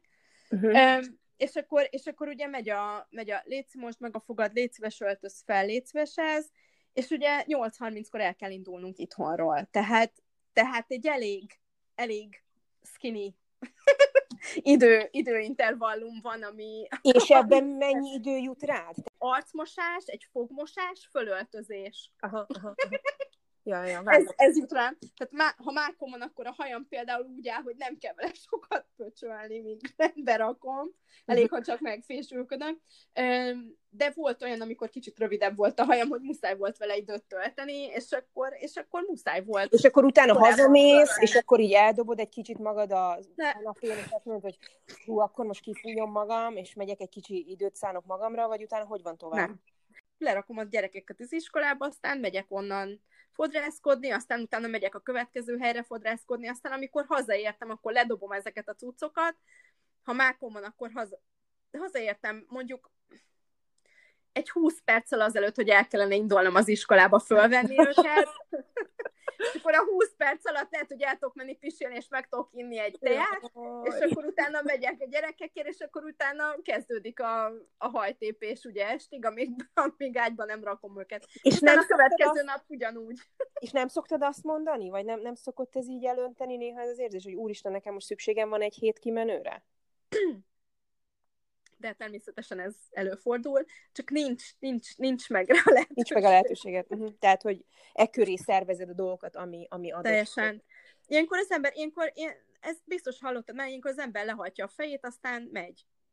Uh-huh, uh-huh. Aztán, hogyha 500 mérföldet kell menni, akkor 500 mérföldet mész, lehajtott fejjel, megcsinálod az 500 mérföldet, aztán majd egyszer eljön az az idő, amikor véletlenül úgy alakul, hogy hogy az apjuknak van elég szabadsága ahhoz, hogy két hétig nála legyenek, mert ugye nyáron osztva van a nyári szünet, a gyerekek négy hétig velem vannak, két hétig az apjukkal. Tehát két hétbe úgy van, hogy nekem akkor két hétig gyerekmentes a, a nyári szünetem. Na most a nyári szünetben ez a két hét gyerekmentes, ez ugye azzal telik el, hogy én fölturbózom a saját üzletemet, hogy annyi pénzt tudjak keresni, mint amit elvesztegetek, amikor Magyarországra megyek. Uh-huh, uh-huh. Tehát igazából ez, az, ez a kimenő rész, ez, ez sokszor úgy, úgy valósul meg, hogy, hogy azt nekem igazából munkával kell töltenem. Tehát igaz, hogy akkor nem gyerekezek, és, és kimenő, de muszáj dolgoznom. Vágom. Tehát, tehát ez, a, ez, a, ez az igazi break, ez az igazi szünet, amikor tulajdonképpen dobok mindent, és azt mondom, hogy na, jó, akkor itt elég volt, olyan nincs. Hát Dorka, ezt a részét egyáltalán nem irigylem tőled, az viszont valóban benne van a pakliban, amit te is mondtál, és azért erre én is szoktam gondolni, hogy, hogy, hogy, hogy igen, lehet az, hogy én 50x évesen meg fogom bánni ezt a, ezt a döntésemet, Egyel, de, de közben meg azt is gondolom, amit ugyancsak te mondtál, hogy nem lehet, vagy nem szabad úgy élni, hogy az ember megbánja egy döntést. Tehát eldöntötted, azt maximálisan ki kell mhm. élvezni, uh-huh. hiszen megvan az oka, hogy te miért döntöttél úgy, hogy négy gyerek, Pontosan. megvan az okom nekem, hogy én miért döntöttem úgy, hogy egy se. Én azt gondolom, hogy mind a kettő abszolút élvezhető. Én azt gondolom, hogy, hogy én is lemaradok bizonyos dolgokról, lehet, hogy te is kimaradsz bizonyos dolgokból. Biztos vagyok benne. Ennek ellenére iszonyatosan tisztelem ráadásul pláne ezek után, hogy beszélgettük, és így azért így lefestett, hogy hogy zajlanak a mindennapok, nagyon-nagyon tisztelem azt, amit te csinálsz, és hogy ezt a döntést meghoztad, és, és, és tolod, és nyomod. Uh, úgyhogy ez szerintem fantasztikus. Uh, ennek ellenére nem kaptam kedvet, tehát ezt így hozzá kell, hogy tegyem, de maximális tiszteletem. És egy ilyen záró gondolatként azt szeretném tőled azért megkérdezni, hogy számodra mi a, a legjobb dolog az anyaságban, és főleg abban, hogy négy gyereked van? Ö... Jó, hát itt, akkor viccel zárnám, az a legjobb dolog az egészből, hogy amikor már jó öreg leszek, és véletlenül tolószékből, akkor lesz négy gyerekem, aki tologatja. Tehát... akkor majd választhatok, hogy kitolja először, és kitolja másodszor, és ki, kitolja harmadszor, és kivisz fel a lépcsőn. Egyébként a viccet félretéve természetesen minden, amit a gyerekekkel csinálsz, az valamilyen szinten egy, egy, egy, egy dolog, amit elértél az életben. Tehát ezek a gyerekek azért lesznek olyanok, amilyenek, mert te olyan ne nevelted őket, mint amilyenek lesznek. Tehát egyértelműen, egyértelműen mindenkinek az a célja, hogy, hogy olyan gyerekeket neveljen, akik, akikre ő büszke lesz, ö, amikor, amikor a gyerekei felnőttek. Ö, ez a büszkeség, ez nem arról kell, hogy szóljon, hogy ezeknek a gyerekeknek, mit tudom én, marha jó melói legyenek, vagy, vagy marha jó, tudom én, fizetései legyenek, vagy ilyesmi, hanem, hanem arról szól, hogy, hogy boldog és kiegyensúlyozott gyerekeket tudjál nevelni, az szerint, amit, amit éppen dobott neked a gép. Értem. Szerintem. És az, hogy hogy azért nyilván, hogy ők a, a neveltetésük során, vagy hát a veled töltött jó pár év során ugye rengeteget kapnak tőled, de biztos van olyan dolog, amit meg most e, amellett, hogy szeretet, stb. stb., de hogy, hogy, hogy te is biztos kapsz tőlük egy csomó új dolgot, amit akár úgy is mondhatnánk, hogy tanítottak neked valamit, hogy szerinted mi az, amit te tanultál ebből az egészből? Az önfeláldozást. Tök jó. Azt. Tök jó. Az önfeláldozást. Köszönöm szépen, Dorka, ezt a, az utóbbi körülbelül fél órát, amit beszélgettünk. Alig várom, hogy beszerkesszem a podcastomba, és meghallgassák a többiek is, úgyhogy itt most elköszönök tőled. Rendben, szia Kingos! Szia!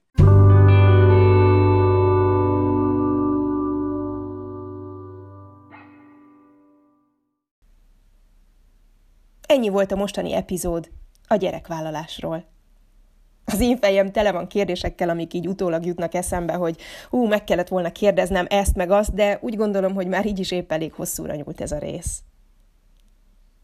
Remélem, hogy találtál benne hasznos infót, vagy egy gondolatot, ami segít dönteni, vagy éppen megerősíteni abban, hogy melyik a te utad.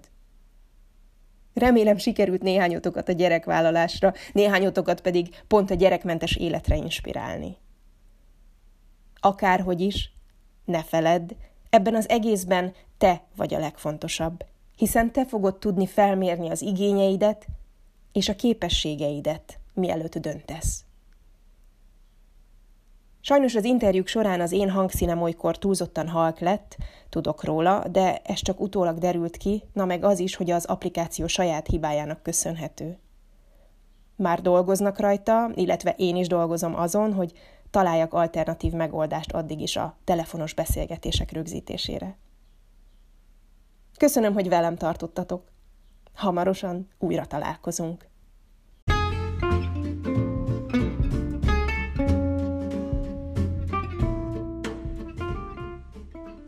Ez volt a Gondolatok a testem körül, Kingával.